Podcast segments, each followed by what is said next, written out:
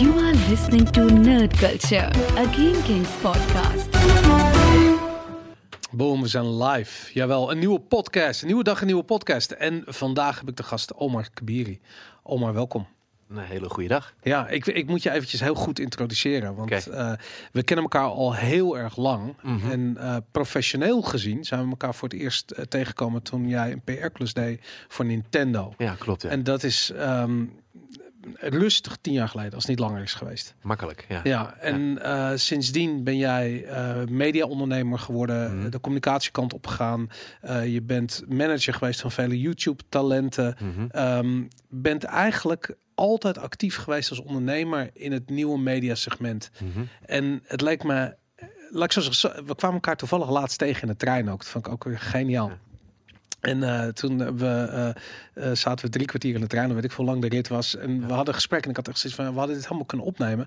En het was een podcast geweest. Mm. En we hadden het ook over podcast, omdat het Mhm. zo'n tof ding is. En ik had echt zoiets van, ja, ik ken eigenlijk weinig mensen in mijn omgeving die als ondernemer zo actief zijn in dit segment. En ik dacht van, we gaan hier, eh, we gaan hier over praten. En wat ook meespeelt, moet ik zeggen, jij bent Ja. ooit eh, eh, te gast geweest ook bij eh, Wilde Haren. Die Ja. podcast heb ik gehoord. Mhm. En ehm, dat vond ik ook geniaal, omdat eh eh, ja, de eerste was die daar eigenlijk eh, onder woorden bracht. ehm, waarom YouTube belangrijk is. Mhm. Vanuit een, vanuit een contentmakers oogpunt. Mhm. En dat moet ik ook bij zeggen. Jij organiseert natuurlijk ook het grootste eh, YouTube. eh, eh, is het Ja. een Nou, event, awards? s- nou, nee, nee, stat- statistisch gezien zijn we niet de grootste in, in bezoekersaantallen, maar we Mm. zijn de grootste publieksprijs tegenwoordig van Nederland. Dus ook groter dan de televisiering. We zijn de, de Feed Awards, dus zeg maar de Oscars van de YouTube-wereld. ja, want het is een Amerikaanse organisatie. Je hebt het, je hebt het ook in LA, de Feed. nee, dat is, dat is Fitcon. En Feed is helemaal van ons. Ah, oké. Dus, eh, dat Dit haal ik gewoon even voor het gemak eventjes aan Ja, natuurlijk. Ja, je doet Ja, het ook in LA. Ik zou het ook kunnen zeggen dat ik in Los Angeles een, een tak heb en ook nog in China enzovoort. Nee, nee, maar het is gewoon, het is gewoon eh, zelf opgericht, tenminste samen met een aantal YouTubers. Oké, cool. Ja. Hey, wat, wat, wat trok je in YouTube? Waar, waarom YouTube? Wat gebeurt daar? Ja, eh, het, is, het is eigenlijk een klein beetje ehm, wat mij met de paplepel is inge- ingegoten is eh, eh, iets maken van niets. Eh, dat, eh, dat heb ik gezien bij mijn ouders, hoe die dat hebben gedaan. Mijn vader die als Marokkaans eh, individu hier in Nederland kwam en echt iets opbouwde. Dus dat, die manier van hustle, I love that. Ja. En ik trof dat al heel vroeg aan in de hip-hopwereld. Dat was eigenlijk de eerste cultuur waar ik echt helemaal in dook. En die vind ik nog tot de dag van vandaag helemaal fantastisch. Dat was ook eigenlijk de eerste cultuur hier in Nederland waar ik in dook. Toen die nog eigenlijk ja, onder de radar aan het bobbelen was. Weet je, live on the low. En eh, ik heb een tijdje ook naar de nachtwakers gemanaged. En geholpen achter de schermen bij de opposites. En, eh, en want daar in die hip-hopcultuur is, ja, weet je, iets maken van niets is, is, is de standaard zo'n beetje. Ja. En vandaag de dag is dat natuurlijk gegroeid tot wat is. En ik trof eigenlijk ja, dezelfde, dezelfde ja, eh, aantekeningen, of hoe moet ik het zeggen, dezelfde contouren eigenlijk in die wereld van de makers. Ik ging een keertje, ik moest een auditie doen, want toen wil ik nog misschien voor de camera wat doen. Eh, kwam, trof ik een, een, een redelijk eh, ehm, eh, timide jongen aan op de bank. Die, was, die moest ook gaan, gaan, gaan hoe heet het? Audi- voor de auditie komen. Mhm. En ik raakte gewoon met hem in gesprek. Ik was altijd benieuwd naar jonge talenten. En iemand zei, ja, je moet met hem praten. En hij is heel groot op YouTube. En ik denk, groot op YouTube? En hoe? En wat? En zus? En ja, dan gaat mijn motortje helemaal aan. Dat was eh eh, Mert, eh Mert Dabi van Marokkaan oh. Ja. En daar groeide eigenlijk een soort van vriendschap, rela- relatie. En later ben ik hem ook gaan helpen en ondersteunen in zijn carrière. En ik zag gewoon die contour. Ik denk, ja, maar dit is gewoon hip-hop in de jaren tachtig ongeveer, weet je. Ja. En ik sta dan nu gewoon daar middenin aan het begin. En dat is denk ik hetgeen wat me zo aanspreekt van die makerscultuur. Dat je iets kunt maken uit niets. Ik heb, laat ik zo zeggen, ik denk dat, eh, je- weet je, je, je, je- noemt het de hip-hop scene hè, in Amsterdam. En ik denk dat dat begin 2000 is geweest. Een beetje die, dat, dat tijdperk. Ja. En ehm, ik, ik ken het heel erg. En dat is ook waar we elkaar waarschijnlijk eh, voor het eerst gezien hebben in de Duivel of in de. Zot of whatever. Ja. En ehm, wat, ik, wat me toen al opviel, is dat iedereen die daar bezig was, die was creatief gezien iets aan het doen.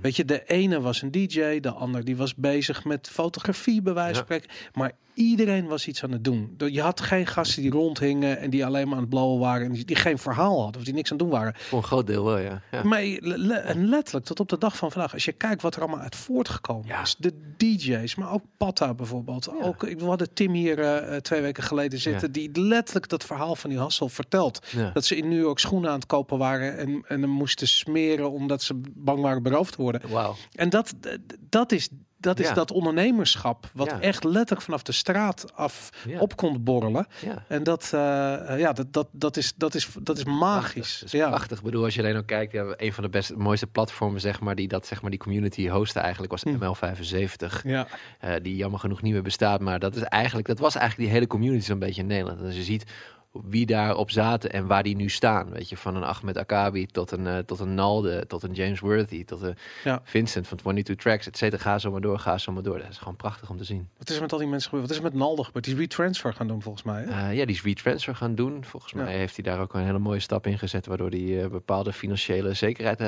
heeft. site was sick, man. Ik wil Ja, die site terug. Die Nalde site. Die Naldo ja, site, die dat is waar die, prachtig. hè? ja, dat ja, is die was echt prachtig. Ja. Hij, had, altijd, bij wijze van spreken nog voordat Apple deed wat Apple doet, Mhm. toen was hij al bezig om Ja. eigenlijk Apple te doen in webdesign. En dat, Ja, soort dingen. dat was echt wel insane. Ja, samen met Momkai natuurlijk. Ja, inderdaad zou dat samen gaan. Ja. Momkai. ja, en 21 Tracks, dat is ook weg, of niet? 22 tracks, volgens mij, ja, dat, dat, dat, 22 dat, bestaat niet meer. Eh, nee, nee. Dat is Ja, zonde is dat gekild door Spotify gewoon natuurlijk. Dat, zou goed kunnen. Ja. Ja, ja. het is wel gewoon, het is gewoon jammer. Ja, bizar. hey, maar dan, dan, dan, dan, als je kijkt naar, eh, je herkent dat bij jonge mediamakers op YouTube. Ehm, hoe, hoe help je iemand in een business die nog niet bestaat?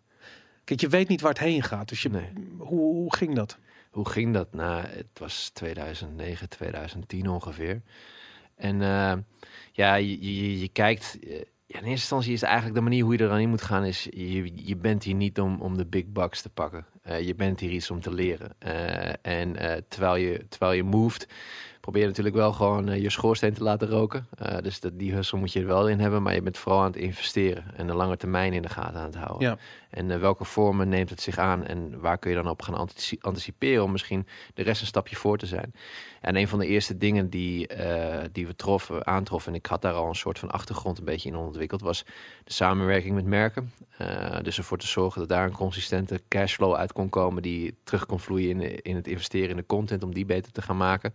Dus dat was een focus waar, waar, waar, waar ik helemaal mee bezig was. En tegelijkertijd, eh, want daar spoor ik de MCN's op in. En dat werd, werd op een gegeven moment een beetje platgeslagen. Toen zag je dat in één keer dus die makers eh, een soort van ja, afhankelijk werden van hun van puur alleen maar advertentieinkomsten. Mhm. Wat eigenlijk gewoon raar is. Ja. J- jullie zijn de helden van de jeugd. De jeugd kijkt tegen je op. En je bent bezig in je hoofd hoe je eh, nog verkoopbaar bent voor Procter Gambler bijvoorbeeld. Weet Ja. je wel? Eh, dat is gewoon, dat is gewoon eh, een disaster waiting to happen eigenlijk. Ik bedoel, Tupac was, was ik fan van. Die spuugt in de camera, die, die schold iedereen uit, die, die Ja. zei wat hij dacht. En dat zorgde ervoor dat je denk ik als jong persoon ja, de, de kant van re rebellie en ergens voor durven staan enzovoorts leerde. En dat is dan met die makers kon dat gaan vertrekken. Eh, dus ik dacht van ja, wat, wat, hoe interessant is het om te gaan kijken of er alternatieve manieren zijn Mhm. voor jou om je kunst te beoefenen, je talent eh, te, eh, te, te beoefenen en daar ook nog een keer inkomsten uit te genereren, waardoor je veel autonomer werk kan maken. Ja. En dat was op een gegeven moment de focus waar we, op, waar we volledig op gingen.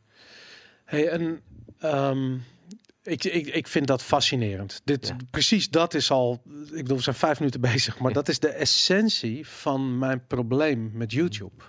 En dat is namelijk dat ik denk dat Nederland te klein is Mhm. eh, om echt te leven van YouTube. De mensen die, die het kunnen, die er zijn, eh, die doen het. Eh, maar daaronder zit een leger aan talent wat er niet in slaagt en alles zal doen om daar te komen. Maar wat je moet doen is in de rij gaan lopen en waarschijnlijk het tegenovergestelde van wat je moet doen om op te vallen en anders te zijn. Ja. Ehm, hoe zie je de wisselwerking tussen commercie en content op YouTube? eh, bij wijze van spreken nu versus eh, eh, 2009, 2010. Ja, 2009, 2010, dan, eh, dan was je blij met eh 750 euro voor een, eh, voor een shout-out, weet je wel. Ja. Nu vandaag de dag eh, praat je pas eh, met een merk eh, vanaf eh, 10k of zo om iets te gaan doen in je video als je eenmaal van een bepaalde capaciteit eh, eh, bent qua kanaal. Ja. Ja, en het is, het is denk ik de keuze van de maker zelf. Je, je, hebt een, eh, je, je, je kunt gaan voor, oké, ik maak dat wat ik denk dat de wereld wil zien. Dus ik ben ja consistent bezig met trends te volgen en te maken vanuit een soort van ja, de, de externe kant. Uh, je bent daar waarschijnlijk zijn het ook vaak de, de, de mensen die heel tijd bezig zijn hoeveel likes ze hebben en, en eigenlijk nooit tevreden zijn met hun werk. Ja. Uh, of je bent aan het maken vanuit een soort van kern van oké, dit, moet, dit moet gemaakt worden. Ja. Ja, ik denk een, een, een YouTuber à la Joost is daar een heel goed voorbeeld van. Weet je, die heel autonoom uh, beweegt, denkt, doet, opereert en maakt. Um, als je van het tweede dus bent, dat je veel autonomer bent, dan is de, de weg naar commerciële kansen is langer. Uh, die duurt langer. Maar wat je wel creëert, is dat mensen intappen op jou als individu. Want Ja. ze komen bij jou voor datgene wat jij maakt. Wat er ook weer voor zorgt dat je een, een loyalere fanbase creëert, die over de, met je mee uh, zal groeien.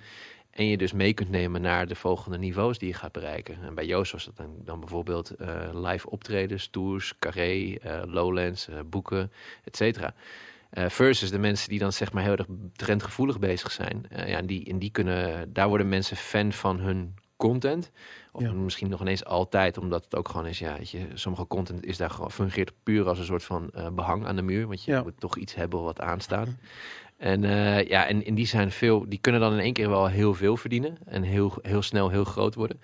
Maar die zijn ook heel, behoorlijk inwisselbaar voor publiek. Publiek Ja. blijft niet echt loyaal aan ze.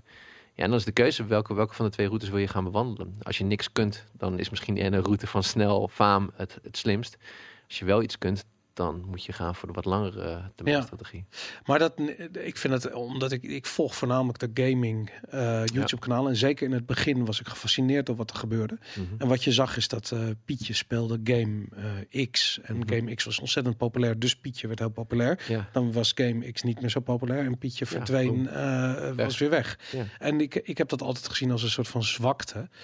Omdat op het moment dat je gewoon afhankelijk bent van de games die je speelt in het maken van je content, ja, ben je dus afhankelijk van een derde partij. Ik bedoel, als er een, als er een game uitkomt die niet goed is, of er is iets mis met die game, of hij is niet meer populair, of het is verkeerd gemarket, jij bent het slachtoffer daarvan Ja. als contentmaker. Absoluut. Ja, en als je dat besef hebt, terwijl je ermee bezig bent. Ik bedoel, prima om, dat, om die springplank te gebruiken. Om dan vervolgens op, op een nieuw niveau te belanden en andere kansen te pakken die misschien nog dichterbij je staan. Ja. Maar ja, wat je zegt, ja, ik, eh, de voorbeelden zijn er. Ik bedoel, als het algoritme op een gegeven moment eh, voorzichtiger eh, bezig ging. Dus met andere woorden, dat bijvoorbeeld games waarbij shooting en, en, en, enzovoorts naar voren kwam, die werden wat meer geblokkeerd uit het algoritme. Waardoor je je organische views, zeg maar, naar beneden gingen. En tegelijkertijd ook dat adverteerders niet werden geadviseerd om rondom dergelijke content een advertentie te plakken. Zie je ook je inkomsten snel dalen. Ja. En dan sta je daar opeens, weet je wel. En dan heb je misschien net tegen je ouders gezegd, ja, je, ik, kan, ik hoef geen opleiding te doen. Stop. Ik ben stop. Ja, ja, dan moet je, fuck, weet je, heb je geen geld meer. Ja. En dan ben je ook niet meer die gast die hot is, weet je. Nou ja, er zijn er veel voorbeelden van. Ja, ik, ik heb ehm, in het begin, eh, om, vooral omdat wij veel werkten in de televisiewereld en spraken, ja, geen gang, eh, spraken met televisiemakers. Eh, toen was er een ontzettend vooroordeel over YouTubers. En dat was, ze zeiden allemaal van ja, maar die, die gasten kunnen geen tv maken. Weet je, Mhm. tv maken was een ding wat je ook online deed, bij wijze van spreken. Weet je, dat heette altijd nog tv maken. En ehm, daar zag je heel erg op een gegeven moment die, die tweedeling. En als het dan een keertje samenkwam, dan was het extreem awkward Ja. en vervelend en naar om te zien. Ja. Eh, dus dat is nooit echt samengekomen. En aan de ene kant merk je nu dat tv-makers nog zoiets hebben van ja, het, ze hebben zich daarbij neergelegd. Het gaat nooit samenkomen, het gaat nooit werken. Behalve dat eh, wat wel werkt, is het bereik van online. Mhm. En ehm, daar zie je gewoon heel erg van dat ze nog altijd na al die jaren zoekende zijn van ja, hoe kun je bijvoorbeeld een tv-programma een bepaalde social extensie geven. Ja, Ehm, en het, ik heb nooit begrepen waarom er twee werelden eh, zijn die zo ver van elkaar afstaan. Want Ja. je hebt het over contentmakers. ja, En die kunnen, zijn blijkbaar heel slecht in staat om buiten hun eigen platform te denken. ja, Zowel YouTubers als tv-makers. ja. En misschien geldt hetzelfde wel voor bladenmakers en, en toneelmakers. Whatever, ja, weet je. Ik bedoel. Misschien is het ook wel mensen. Hoe, hoe zie je dat? Ja, ja dat puur vanuit ei- eigen perspectief. eh, als ik die twee werelden naast elkaar zet, eh, is dat natuurlijk de ene wereld. ehm, ja, die zat een heel erg een langere tijd in een comfortzone. En die comfortzone werd heel vaak geconformeerd. Weet je, dat, dat, dat, dat, dat de adverteerders en de mediabureaus en de broadcasters enzovoort allemaal zeiden: ja, het gaat nog lang heel goed met tv. En dan Ja. op een gegeven moment zie je het slinken. Zie je dat Den Haag bijvoorbeeld wat kritischer wordt. Dus de NPO gaat op een gegeven moment een beetje squeezen. Mensen moeten de deur uit. Kijk naar de hele reorganisatie van RTL. In één keer wordt het een soort van waarheid. Dus Ik heb wel het idee dat dat ervoor zorgt dat ze iets meer open aan het staan zijn voor de potentie van een nieuwe wereld. Ik heb eigenlijk behoorlijk veel gesprekken. Bijna mijn, mijn dame werkt in de tv en ik ken veel mensen uit de tv. En het, ze, ieder persoon die ik spreek praat met een hele eh, met, met, respect vind ik wel, maar ook met heel veel nieuwsgierigheid naar de nieuwe wereld. Want ze Ja. merken wel van hé, hey, misschien liggen daar kansen voor mij. Eh, alleen het systeem is nog niet ingericht om daar zeg maar een soort gelijkwaardig naar mee te opereren en te kijken. Dus wat je als kreeg was dat de NPO-partijen, zeg maar, daar heb ik de meeste ervaring dan mee, eh, dan een, een nieuw initiatief mochten starten, waardoor Hmm. ze hun gelden mochten investeren in dingen die ook op sociale media terecht zouden komen. En dan was dat, en als je dat dan intern zou, zou, zou beoordelen van hoe die persoon is gekomen om die stappen te zetten, om een klein budgetje los te krijgen om dat te kunnen doen, dat is op eh, die traditionele wijze, is het, als je dat bekijkt, is het een enorme stap geweest. Ja. Maar dan verwachten ze dat vervolgens de makers ook het idee hebben dat als zij dan vervolgens op tv mogen komen met een kopie in zo'n programma voor, voor waar zo'n productiebudget uit is gekomen, dat die het ook gaan beleven als een hele grote stap. Ja, het is echt heel, heel, heel gaaf dat we dit mogen doen. En zo'n dude of meisje denkt van ja, ik, leuk, maar ja, voor mij is het niet een hele grote stap. Ik heb al een publiek, ik Ja. heb al mijn eigen, eigen voice. Dus waarom, weet je, dus... En dan in één keer worden dan ook die makers vaak gevraagd om dan toch wel wat mee te investeren. En dan krijgen ze 250 of 350 euro voor een draaidag. Zeggen ze nog op zich, nou, misschien is het wel goed voor om dit keer te proberen. Maar dan worden ze door de redactie van zo'n programma ook gevraagd. Ja, dan zet je het op eh, Twitter en op Facebook en Instagram toch. En YouTube. En dan ga je ons promoten. Want het gaat... En in één keer is die hele balans uit elkaar. Ja, en die ja. mensen van tv snappen dat niet. Dat dan zo'n jong persoon zegt, ja, maar ik voel dat niet. Ja. Maar die mensen uit de traditionele wereld die denken van, ja, maar je mag blij zijn dat je dit, deze kans krijgt, weet je wel. Ja. En daar zie ik dan heel vaak een soort van, eh, eh, ja, een vertaalslag die gemist wordt met elkaar. Ja. Eh, want ja, voor, voor zo'n jong persoon is dat niet een hele grote stap. En is tv al lang niet meer tv zoals... Dat vind ik het meest bijzondere. Een televisie, een tv, de tv-wereld. Ja, tv is een hardware product. Mhm. TV is niet een wereldje in Hilversum. Dat is het al lang niet meer. Weet je? Het is, Ja. het is voor, voor de oudere mensen is het een, is het een wereld. Voor, voor, voor, de nieuwe wereld, eh, voor de nieuwe is het gewoon een hardware product waar Ja. je naar kijkt. Ja. Klaar, punt uit. Ja. En eh, dat, is, ja, dat is gewoon even iets andere... Of niet naar kijkt, eigenlijk. Als je, Nou ja, ik denk dat tv wel absoluut nog wel populair blijft. Want het is een van de weinige dingen die je kunt doen in een sociale context. Weet je wel, ik ga niet, met, ik ga niet een Netflix film kijken met drie vrienden op mijn tel- telefoon. Ik ga geen wedstrijd kijken. Weet je, ik, dat, als ik in een sociale context wil zijn, met vrienden, met familie, samen Ja. zijn naar iets kijken, dan is tv eh, ook als hardwareproject nog steeds het beste. Ja? Ja, ik denk het wel.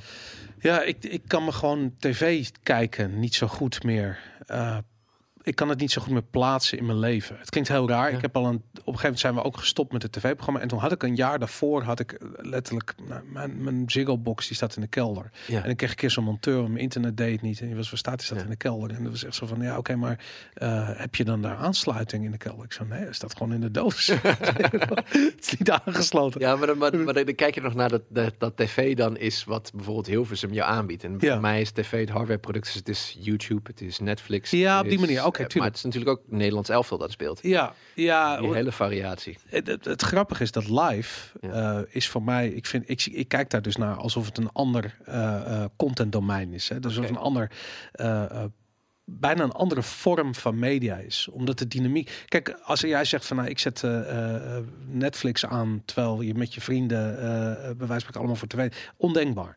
Maar als je zegt van, ja, ik zet Nederlands elftal aan bij, terwijl je met je vri- logisch, vanzelfsprekend. Ja. En dat, dat, het feit dat het live kijk, je kan aan de ene kant zeggen van het is sport. Tuurlijk, sport, sport doet dat. Daar, Mhm. daar heb je ook wat actiever een mening over wat er gebeurt. Het zou ook de UFC kunnen zijn of weet ik veel wat, Ja. dat soort dingen.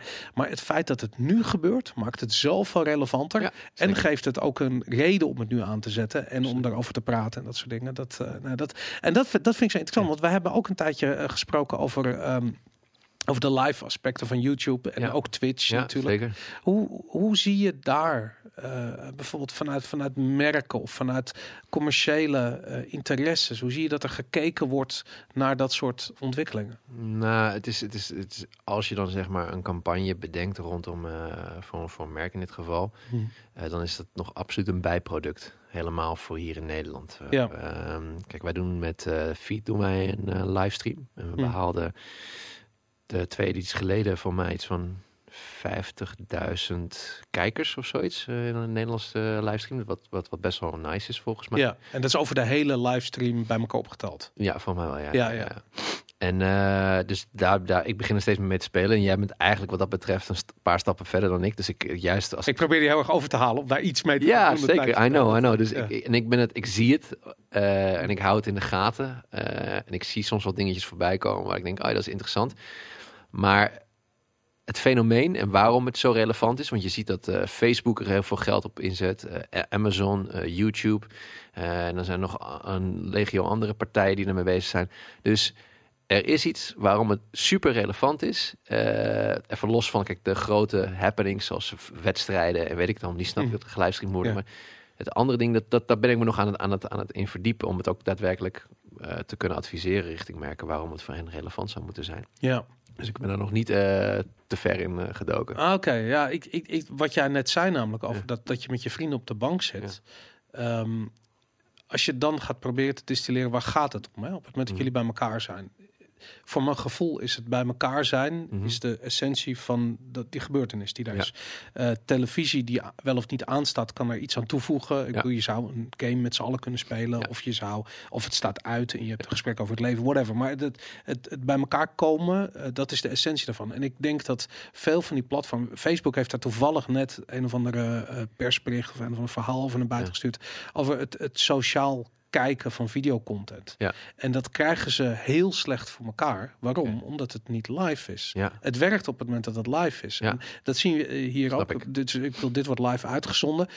Iedereen die in de chat zit, Mhm. eh, is aan de ene kant aan het luisteren naar ons verhaal, maar is met elkaar aan het praten over wat wij misschien zeggen. klopt. Ehm, eh, en, en die dynamiek, die is goud. Op het moment dat ik live ga, eh, bij wijze van spreken, Mhm. om één uur s'nachts op een zondagavond en Ja. ik rook een jointje en fuck it. Ja. Eh, dan zijn er mensen in die chat die Ja. daar elke keer komen als ik live ben en dat Tof. tof vinden. En, maar het voornamelijk tof vinden om met elkaar daar te zijn op het ogenblik. En ik, ik, ik heb dat altijd bij wel. YouTube een beetje gemist. Een soort van, het lijkt wel alsof het het is zo. Ik ben een keer ook naar die dat YouTube gathering. gegaan. En Het was huge, man. Tienduizenden. joh. En ik denk zo van, wow, waar Ja. zijn dan die al die kleine communities? Je zou zeggen dat ze allemaal bij elkaar in plukjes staan. Ja. Maar het gebeurde ook niet echt per se op die manier. Nee, maar dat is ook dat wat je daar aantreft. En we hadden ook bij Feed eerst een soort van dagprogramma... wat echt een soort van weet je, meet and greets en weet ik het allemaal eh, waren.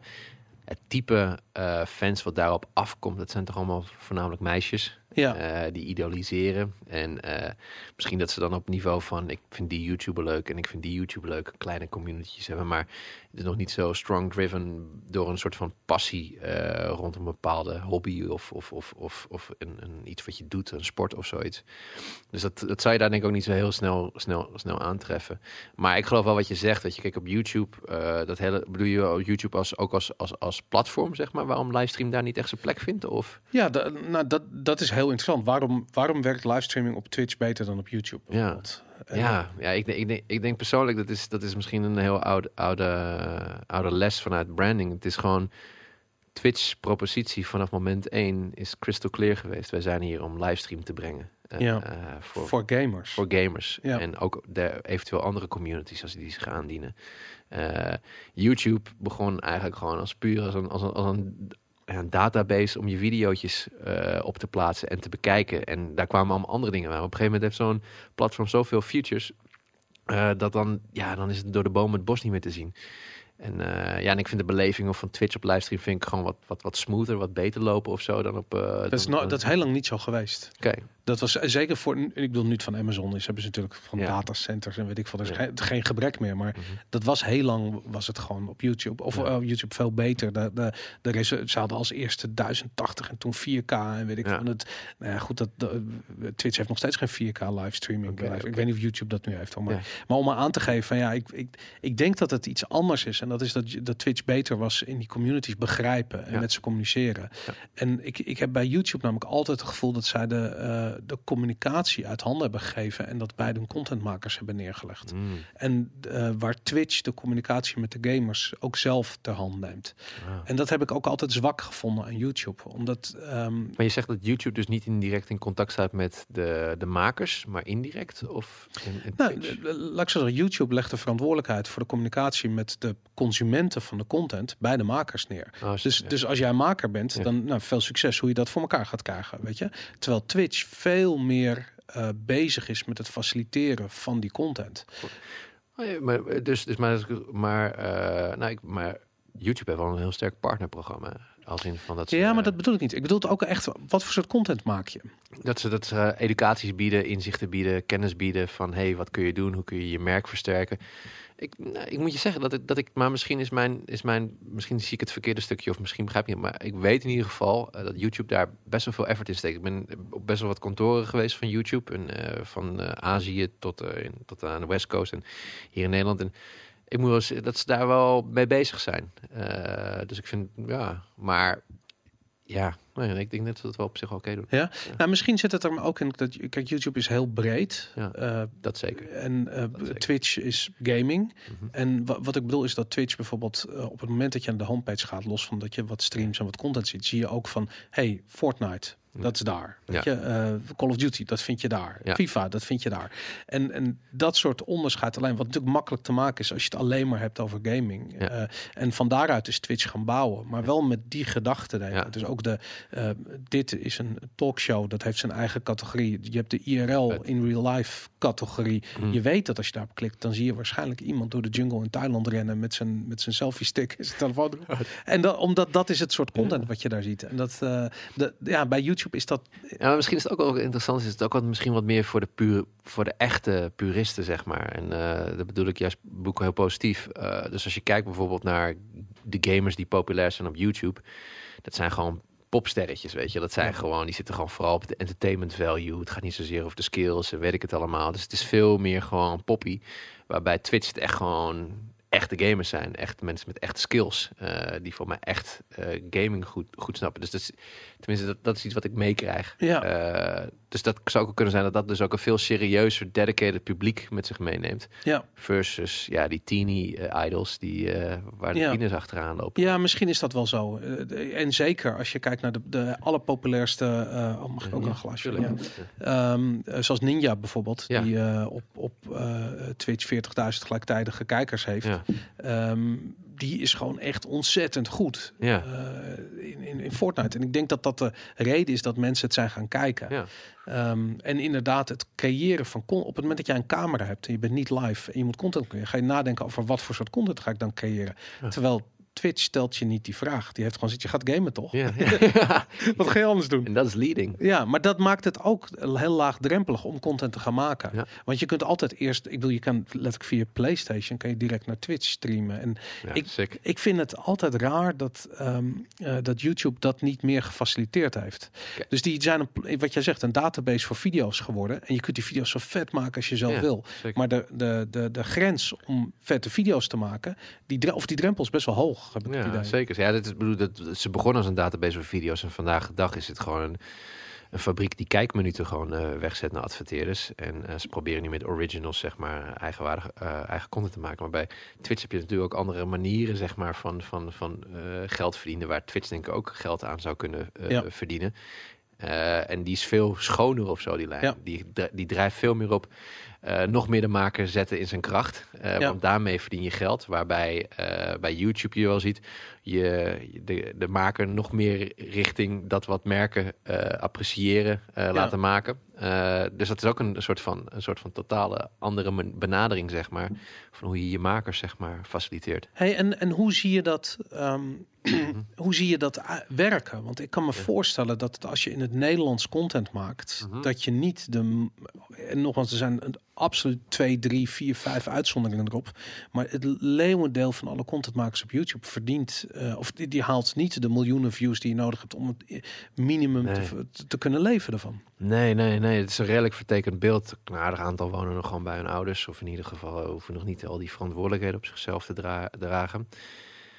Het is gewoon, eh, als je het voor Nederlands publiek maakt en je bent alleen maar afhankelijk van je views, eh, dan, dan zet je jezelf denk ik niet op voor gewoon een, la- lange termijn eh, strategie hoor, qua uitrol. Je moet gaan nadenken over dingen die ernaast kunnen komen om je verdiensten mee te creëren. Zeg maar. Mhm. Bij een Enzo Knol bijvoorbeeld is, zijn, is natuurlijk zijn, zijn merchandise een van die dingen.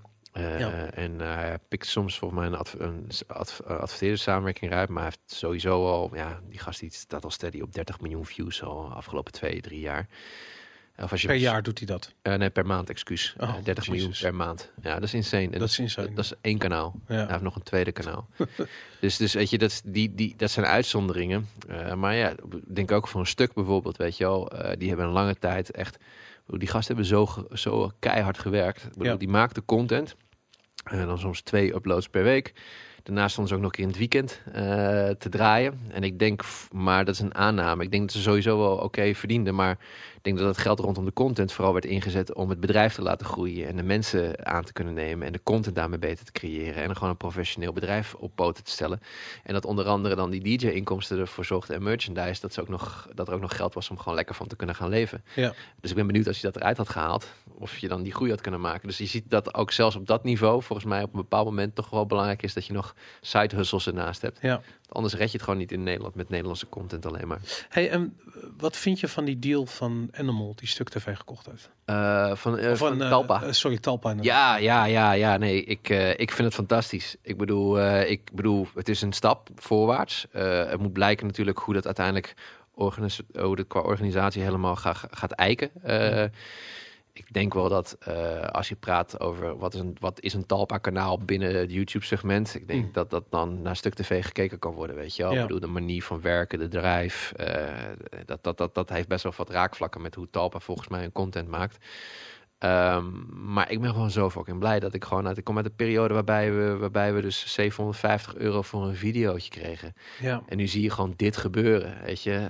Ja. Zelfs al mocht het helemaal mislukken, wat ik dus natuurlijk niet hoop... Mhm. dan ben ik nog steeds super blij dat deze stap al is gezet, weet je Ja. wel. Het is van, van waar we vandaan komen. Nou, wa- wat ik zo interessant eraan vind, is dat ik weet dat overnames in, in, in de televisieindustrie altijd heel vaak te maken hebben met eh, eigendomsrechten van formats. Ja, en, de, ja. ja, en de mogelijkheden om dat in het buitenland eh, te vermarkten. En Nederland is daar heel goed in. En zeker Talpa en Animal ook. Dat zijn Mhm. gewoon, ja, die hebben Nederland, eh, Big Brother. Je hebt, je hebt zoiets in Nederland is een pilotland. En dat heeft echt John de Mol heeft dat zelf gedaan. Weet je, heeft van Nederland een pilot. Maar wat hier werkt op televisie, dat Ja, kon, kon wereldwijd verkocht. Ja, en dat, dat bleek ook te werken voor andere dingen. Ik bedoel, als jij een nieuw soort fiets ontwikkelt en dat was een succes, succes in Nederland, Ja. dan verkocht het ook in Denemarken. ja, ja. Maar ja, Nederland was een pilotland. Maar ik zou me voor kunnen stellen van als eh, daar dus iemand zit Ja. eh, die gezag, gezien heeft van hey, die jongens Stuk TV die werken op een professionele productieniveau wat lijkt op televisie. Eh, ze hebben content. Eh, dit kunnen we opschalen en eh, over de hele wereld verkopen zometeen. Ja, Dat is een business. ja, zeker. D- dat is waarschijnlijk de reden waarom zo'n overname heeft plaatsgevonden. En dat is heel interessant natuurlijk. Ja, ik denk dat als je kijkt naar het, het- de, de, de gangbare manier hoe Talpa hun geld verdient, dan zou dit absoluut het, het ding moeten zijn. Ik ben ook wel benieuwd, want ik zie ze ook wel bewegen als een soort van, ik zie zichzelf nu ook steeds meer eh, eh, naar voren brengen. Talpa tenminste als partij met een tak eh, voor, voor het adv- adviseren van adverteerders en brands en merken enzovoorts. Ja. Dat is iets wat ik voorheen niet heel erg aanwezig zag, zeg maar, in een hele, in al dat wat ze deden. Dat was Mhm. gewoon voornamelijk IP creëren. Dus ik ben ook wel benieuwd wat dat daarmee te maken heeft. Is hij als een soort van eh Berlusconi hier bezig om ervoor te zorgen dat hij echt alles bijna oont hier in Nederland. En daarmee ook gewoon eh, de mediabureaus allemaal eh, naar zich toe kan trekken. Want daar zit ook natuurlijk heel veel geld. Ja. En dan heb je sowieso, als je dan kijkt naar, ja, dan moet je ook, ook je in, in, in op eh, social gebied, social media gebied, moet je ook natuurlijk gewoon de kennis en kunnen naar binnen halen. Ik bedoel, de Voice of Holland en de Voice of America en US, whatever, die halen natuurlijk veel views en hangen allemaal plakken aan de muur met gouden kanalen enzovoort. Maar ja, dat is easy content om dat voor elkaar te krijgen. Dat is gewoon tv-content, we plaatsen het online en dat heeft Ja. zijn succes. Maar je hebt, ze hebben nog niet echt van die kanalen die echt online zijn ontstaan, zoals een stuk tv. Ja. En als je, met, als je een Giel binnenhaalt met die kennis en kunnen en zijn hele team eromheen, ja, En dan, dan bereid je in ieder geval wel voor voor de komende decennia. Ja. Om het een spelletje eh, te gaan ownen, zeg maar. Ja, Dat is ja, super interessant. Nou, ik vind, ik zou het heel tof vinden. Eh, laat ik zo zeggen, ik dacht op een gegeven moment vanuit de, op het moment toen RTL en SBS in die in die MCN-markt gingen eh, stappen, weet je, en dat Ja. zijn eigenlijk gewoon heel plat eh, verkooporganisaties voor YouTube-kanalen. Toen dacht ik van ja, misschien dat daar wel een soort van professionaliteitsslag uit voort zou komen. En het lijkt alsof het tegenovergestelde gebeurd is. Ja, ja, het is, het is, het is de benadering. Het is wederom, zeg maar. Weet dat is dus hoop ik waar John een andere afslag maakt. Dat hij veel meer zit op de inhoud van het maken. En vanuit de, de waarde van de content eh, andere verdienmodellen aan, aan gaan proberen te spreken. Dus Ja. onder andere die uitrol met IP. Stel je voor als jachtseizoen wat je zegt... eh, misschien een hele uitrol over eh, alle territoria's krijgt... waar Talpa sterk vertegenwoordigd is. Dat zou echt fantastisch zijn. Terwijl die Ja. MCN-huizen, die zijn puur ge- ge- gebaseerd op volume creëren in hoeveelheid views. Daarmee de grootste piece of the pie hebben hier in Nederland op, op, eh, op dat domein. Ja. En dat dan vervolgens eh, verkopen bij mediabureaus. Dus Ja. dan ben je dus dan ben je helemaal niet bezig met echt IP te creëren. Dan ben je eigenlijk gewoon bezig met gewoon eh, korte termijn visie.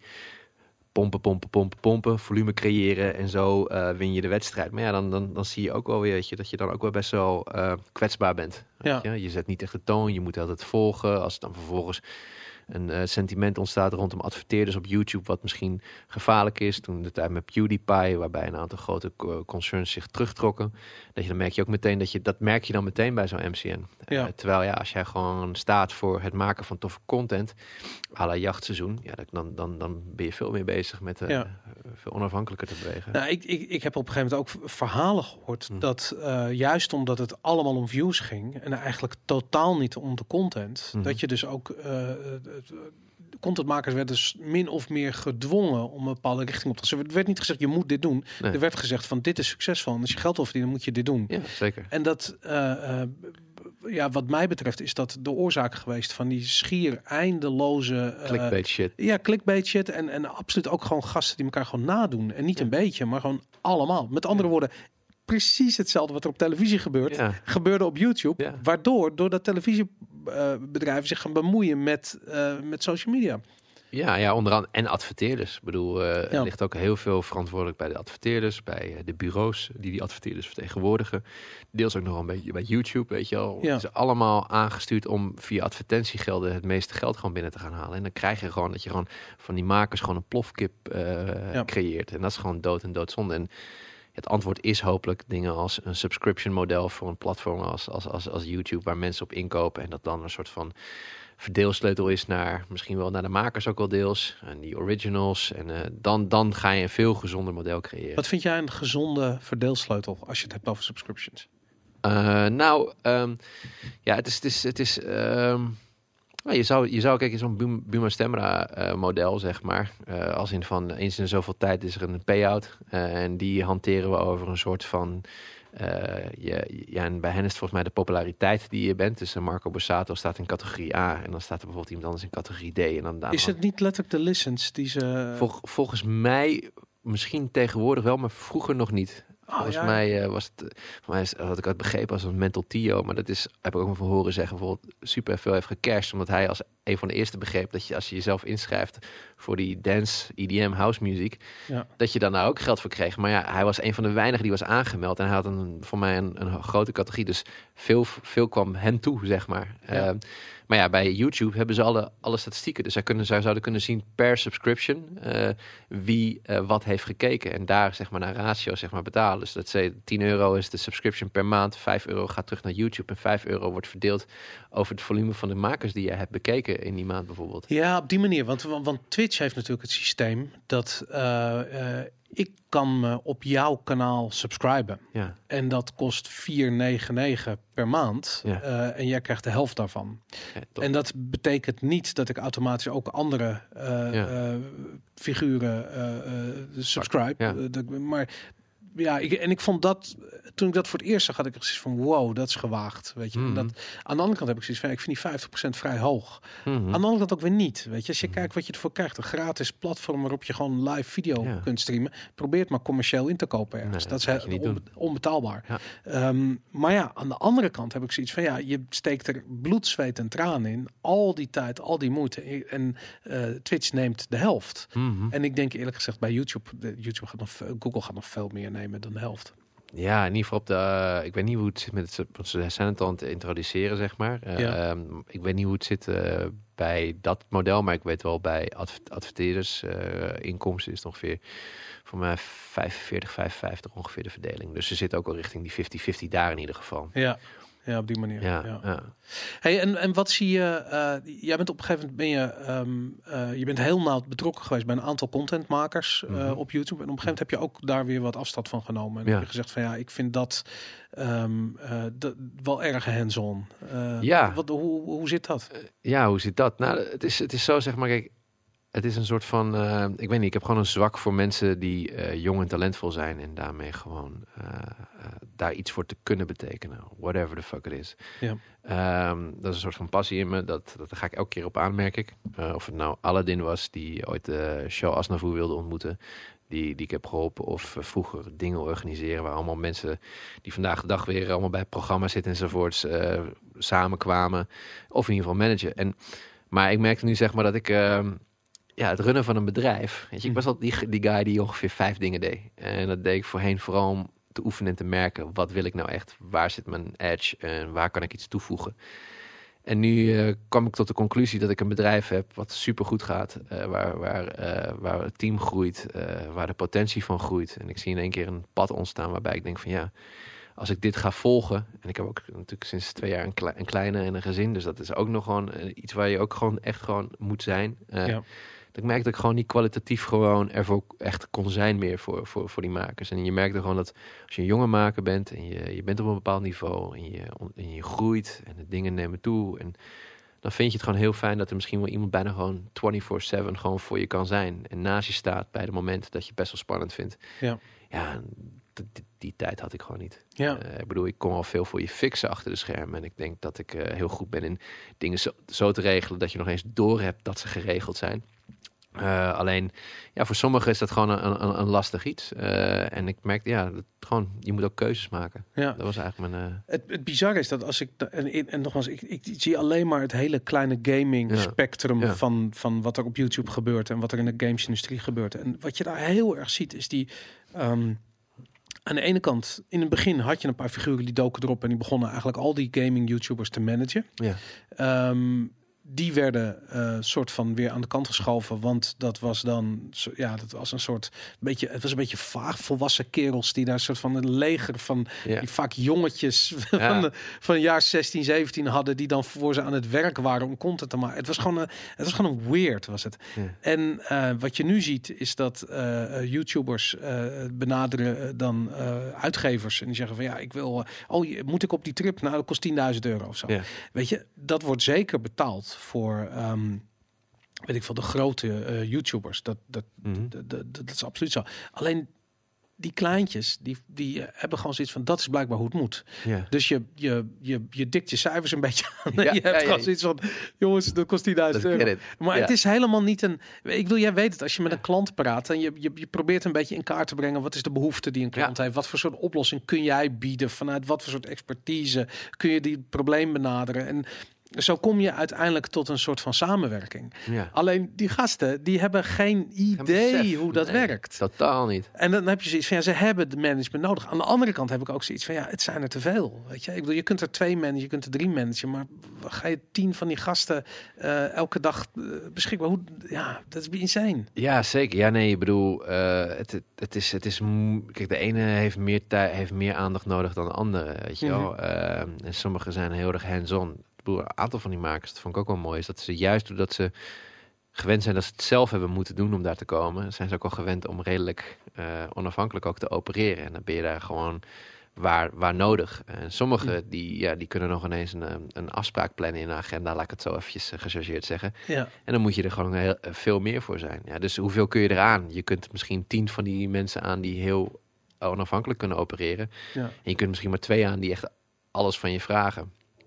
Eh, maar ja, het is, het is, het is, je, je moet dan als, als, als manager. Ik, ik geloof, ik zat laatst met één iemand eh, die, eh, die nu enorm aan het groeien is. En die zei van ja, ik weet niet of ik een management wel of niet moet hebben. Want ik zie soms dat ze voordelen heeft, soms niet. En, en nu ben ik hold en het gaat zo goed. En ja, ik heb het echt nodig. En ik denk van ja, maar uiteindelijk wat je wel moet beseffen is. Het gaat niet over morgen alleen, maar het gaat ook over tien jaar. En, eh, en, en wat is dan je gameplan? En ehm het is een kutvraag die je vaak krijgt. Waar, waar ben je over vijf jaar? Ja, je- het is echt een kutvraag. maar eh, je moet wel minimaal nadenken over wat, wat, wat, moet, ik, wat moet ik doen om te komen op een positie eh, waar ik gelukkig van word. En dat is denk ik vaak dat je redelijk onafhankelijk zou kunnen opereren. Dat je een bepaalde vrijheid eh, bezit, zowel mentaal als financieel, et cetera.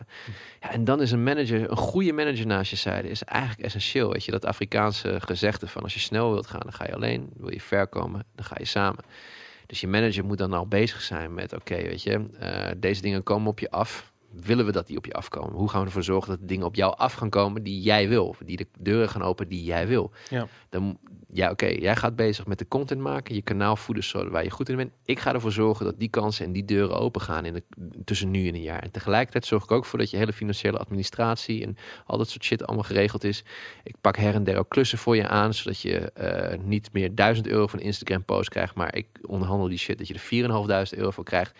En dan wordt het toegevoegde waarde. Ja. Ehm, en dat, dat is uiteindelijk wat je wilt zoeken in een manager. Dat die bezig is met, met, met de, de hoofdlijnen, zodat jij kunt focussen op de- waar je goed in bent. ja.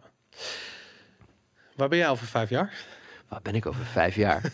ja, zolang ik maar fucking gelukkig ben. En eh, weet je, mijn enige materialistische wens is echt gewoon een, een mooie woning hebben. eh, voor mij en mijn gezin.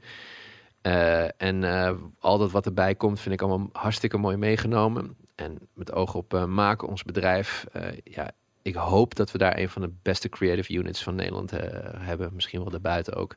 Dus daar ben ik me helemaal op aan het focussen. Eigenlijk alle kennis en kunde die ik heb geleerd van ongeveer tien jaar met eh, creatieve hoogvliegers samenwerken, ben ik nu aan het toepassen op het creatieve talent wat ik nodig heb bij ons bedrijf, die de creatieve ideeën moet verzinnen en daar eigenlijk een soort van manager van te gaan zijn. Ja. Dus dat is wel iets wat, wat wel een soort van ambitie is. Dus ik hoef niet de beste creatief te zijn, maar ik wil wel de beste crea- creative manager zijn van de creatief in ons bedrijf. ja. Ja. Hey, je, je bent echt begonnen in PR. eh, Ja, toch, je toevallig, ja, ja. Ja, da- ja, dat was to- hoezo is dat toevallig?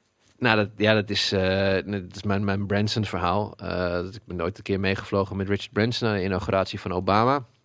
Ik had mezelf naar binnen geluld en eh, dat was allemaal een soort van wow, uh, what just happened, weet je wel. En, eh, maar dat- wacht even, meegevlogen in... eh, er was een, ja, er is een event, dat heet, eh, ja, ik heb het al heel vaak ge- gezegd. je hebt maar- het volgens mij ook in een podcast van... eh, ja, dus, dus, dus is de. Big Improvement Day, wat een soort van tegenhanger is van Prinsjesdag. Prinsjesdag is meer ambtelijk, dit is meer zakelijk. Er zitten al die, er zitten wat quote 500 mensen, wat top-level CEO's van KPN's, weet ik allemaal in de zaal. Nee, die betalen x bedragen voor de uitgenodigden. En die moeten dan samenkomen en gaan nadenken over hoe Nederland in een ondernemende manier Mhm.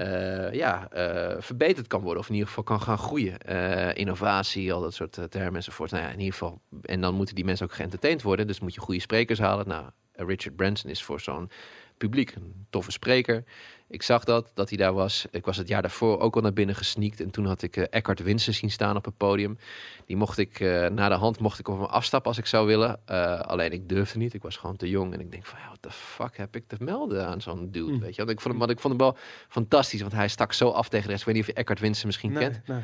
Eh, Atos Origin, Green Wheels, een, echt een, een, een fenomenale ondernemer. Uh, Eckhart's Notes, ook een prachtig boek. Ja. En dus ik durfde niet op hem af te stappen. En toen dacht ik, toen ging ik op, op, op vakantie. Toen zag ik het boek liggen, Eckhart's Notes. Dat ben ik echt gaan lezen. Nou, echt, ik was helemaal, helemaal bezeten van. Het is een managementboek. Mhm. Dacht ik, als ik terugkom, ik ga met hem zitten. Ik ga gewoon met hem zitten. En toen eh, had- kreeg hij een hartaanval. Oh shit. En toen was hij overleden. En ik bedoel, ik kende de man helemaal niet alleen van het ding. Maar toen had ik al van, ja, je, je, ja, je moet gewoon volgende keer erop afstappen, weet je wel. Je weet niet wat, wa- hoe lang mensen hier zijn of welke kansen zich nog aandienen, et cetera. Dus toen met die mentaliteit ging ik naar de Big Improvement weer. En ik lulde me weer naar binnen als nepjournalist, want ik had niet eh, geld voor een ticket. En toen eh, kwam op een gegeven moment Branson op podium, werd geïnterviewd. Ivonie gaf aan dat hij naar de inauguratie van Obama zou vliegen. En eh, toen mocht je vragen stellen als publiek zijnde. Dus ik stelde de vraag van, ja, Dear Richard, is the room on the plane to DC for two broke students? Want ik had een Hmm. buddy, had ik ook meegenomen, Len. En eh, ja, voor de wisten zaten we op zijn naar eh, de inauguratie van Obama. En dat was echt sick. En de hele happening eromheen was de eerste keer dat ik zag, oh, zo werkt nieuws en zo, worden, zo, zo, zo, zo wordt PR beoefend. En de, de partij die dat eh, event organiseerde, Winkelmannen van Hessen, die, eh, de oprichter daarvan, Ralf van Hessen, die had zo van, nou eh, ik denk dat ik zie iets in jou, Omer, wat ik denk wat we kunnen gebruiken bij ons bedrijf. En ze hadden een grote IT-congres wat er aankwam. En ze hadden eigenlijk niet heel veel interne kennis over de nieuwe wereld van media. Dus wil jij misschien bij ons werken? En dat was mijn eerste betaalde baan. Ja. En toen pas begon ik, en dat was een PR-bureau. Dus toen, zo ben ik in PR beland. Echt per toeval. Bizar. Hey, maar nog even terug naar dat, die, die, die, ik bedoel, die, die rit op dat vliegtuig. Ja. Hoe was eh, Richard Branson? Ja, tof. Wat, wat, wat, wat voor soort guy is dat?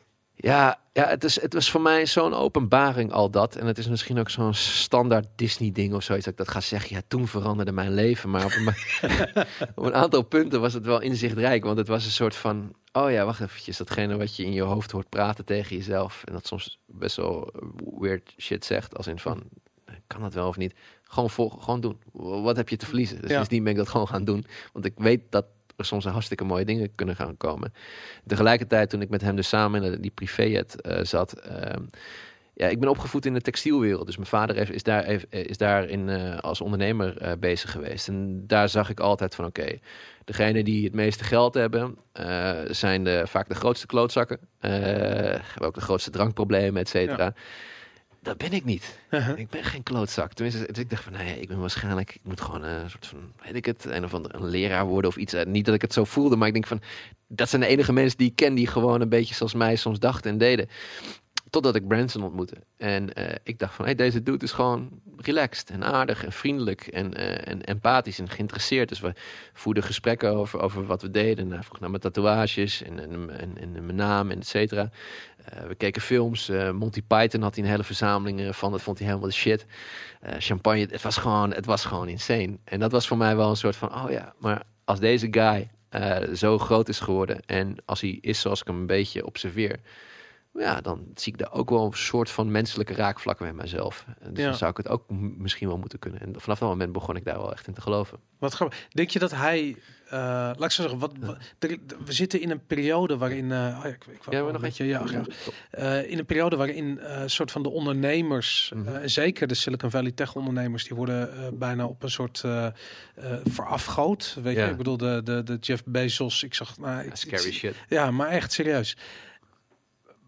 Als ik die mensen hoor praten over onderwerpen Mhm. ehm, die waar ik toevallig eh, verstand van heb, hoor, Ja. puur toeval, en dan, dan heb ik altijd het idee van, ik weet niet of die mensen nou alleen heel erg goed kunnen communiceren, of dat ze ook daadwerkelijk iets weten.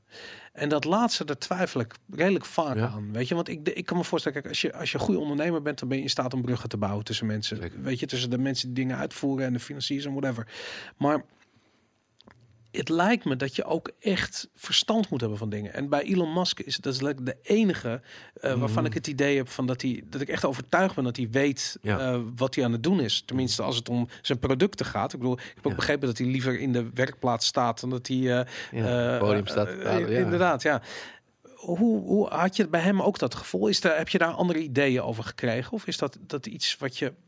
Ja, goede vraag. Ja, het is. Het is ehm, nou, ik denk, ik denk dat, dat, dat dat laat hij ook wel weten, denk ik, in zijn, in zijn boeken en weet ik het allemaal die ik heb gelezen. Is dat hij mensen om zich heen verzamelt die slimmer zijn dan hemzelf. Ja. En, eh, en uiteindelijk, als je kijkt naar hoe je moet kijken naar een bepaalde onderneming. Het, veel ondernemingen hebben toch in de basis, in het fundament, een aantal overeenkomsten. Weet je wel, van hoe je, Mhm. waar- welke, welke pijlers je in de gaten moet ga- gaan houden. Of iets wel of niet gezond is. Of iets of wel geen potentie heeft. En als je daar eenmaal in getraind bent, zoals Virgin uite- uiteindelijk ook, weet je, Virgin Music, Virgin ehm, vliegtuigen, Virgin Bank, Virgin. Dus ik denk dat hij daarin een soort van basisfundament vindt van hoe die dingen kan beoordelen en kan judgen. Maar als het dan vervolgens gaat over echt de diepte erin duiken. Ja.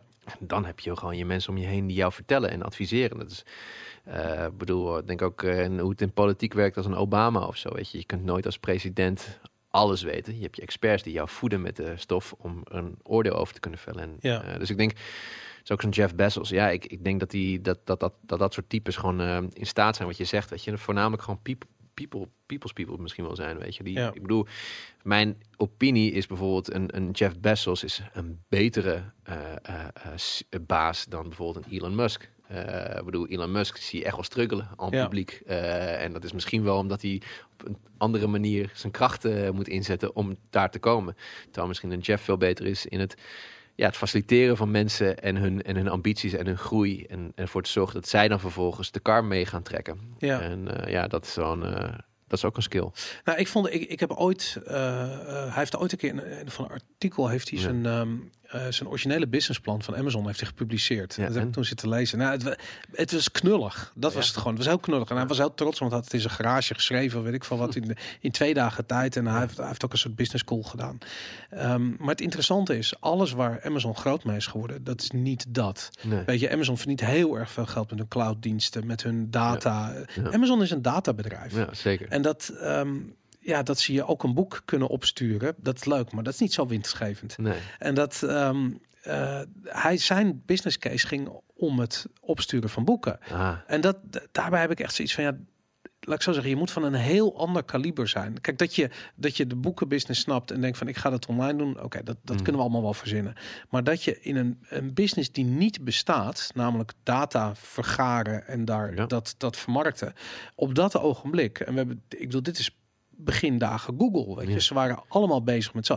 Dat je dan dus mensen hebt die je in je top van je bedrijf aanneemt en die gaan zitten verzinnen hoe die markt eruit gaat zien Oei. en het ook gaan doen en Ja. het gaan bouwen en er miljarden voor aantrekken. omdat, fantastisch. ja, maar het is, het is insane. Mhm. En wat mij altijd ehm, verbaast is hoe ontzettend lokaal die, die toestand is. Weet je, het Mhm. komt Silicon Valley niet uit. Er is in Nederland geen enkele investeerder die ook maar een euro zou steken in, het, in een idee wat zo insane is als het bouwen van dataset. Laat staan in het vliegen naar de maan of het harvesten van, van meteorieten of weet ik van. Mhm. Ja. Ik bedoel, waarom lukt het in Nederland niet om, een, om, een, om ons ondernemersklimaat een beetje omhoog te, eh, te, te, te krikken? Wow, ja, dat is. eh, ik bedoel, ik, ik, ik, wil echt niet nu. We gaan nu gewoon lekker gaan babbelen. Ja. Eh, dus ik wil echt niet gaan zeggen dat ik hier een of andere expert ben over het ondernemersklimaat eh, van hier versus Amerika.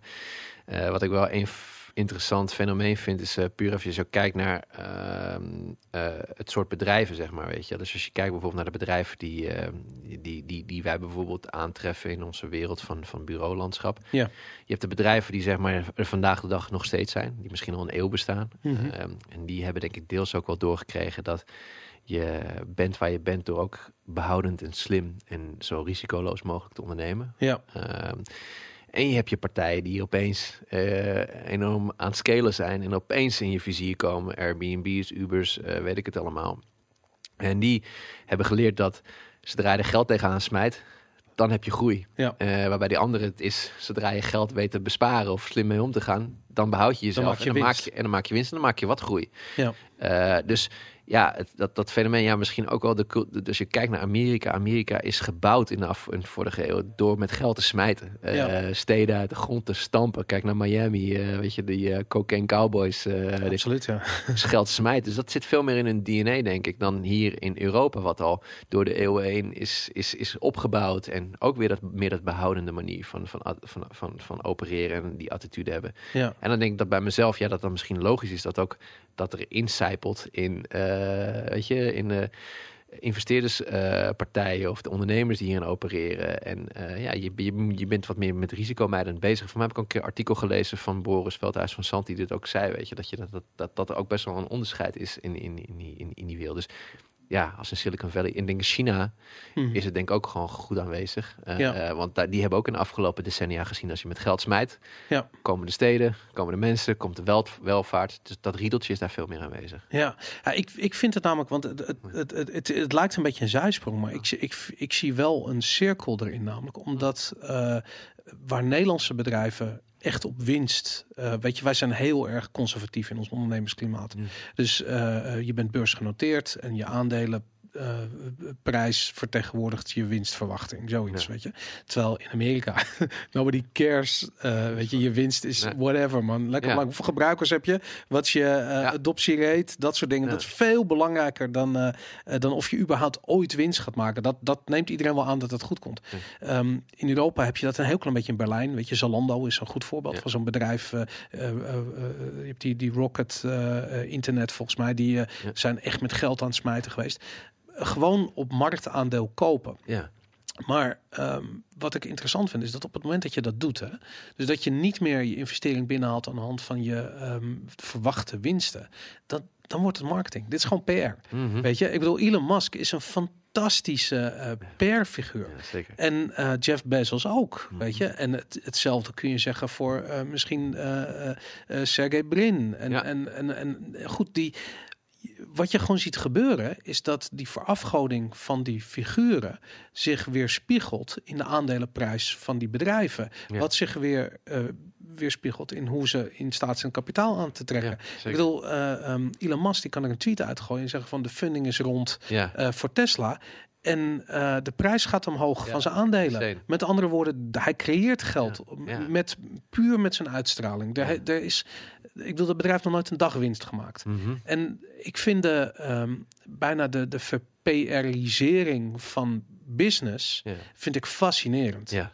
Heb je, daar, heb je daar ooit op die manier naar gekeken? Heb je ooit dat idee dat dat hier zou kunnen gaan gebeuren? Nou, ik, ik, ik heb wel, ik, ik ben wel gefascineerd over het aspect van communicatie van mens tot mens. Of, eh, of Hm. van maatschappij of samenleving tot samenleving, of op welk niveau dat dan ook is. Steeds meer eigenlijk, nu ik steeds meer in de positie zit, dat communicatie tot de essentie behoort van het succes van wat je beoefent. Ja. Ehm, en ehm, ja, dus in, dus in deze, ik vind het, ik vind het, ik vind het fascinerend. Eh, ik vind het ook wel gevaarlijk.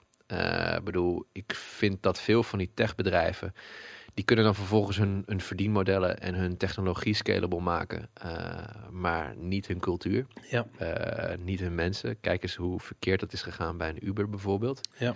Ehm, dus dan, dan gaan zij, de, de- haalt de technologie, haalt het hele bedrijf eigenlijk gewoon in.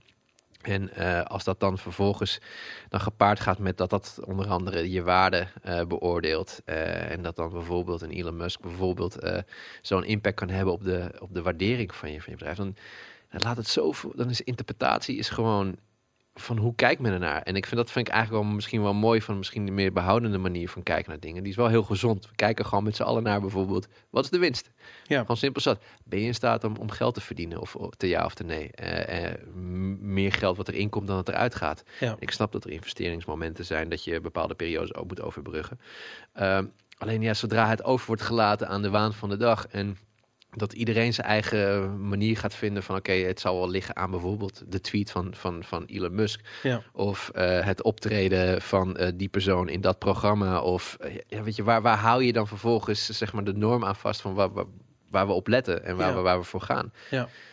Het, het klinkt als iets wat misschien ook heel makkelijk onderuit gehaald kan worden als er een keer weer een soort van eh, bubbel barst, zeg maar. Ja, want dat is uiteindelijk waar het over gaat. Ja. Het is een bubbel. ja, zeker, absoluut. het is gewoon een bubbel, ja. Gaat die weer barsten, denk je? Economisch gezien, de economische kant van de bubbel. Altijd. Ja. Ja, tuurlijk. Bubbels zijn er om, om te barsten. Ja, nee, absoluut.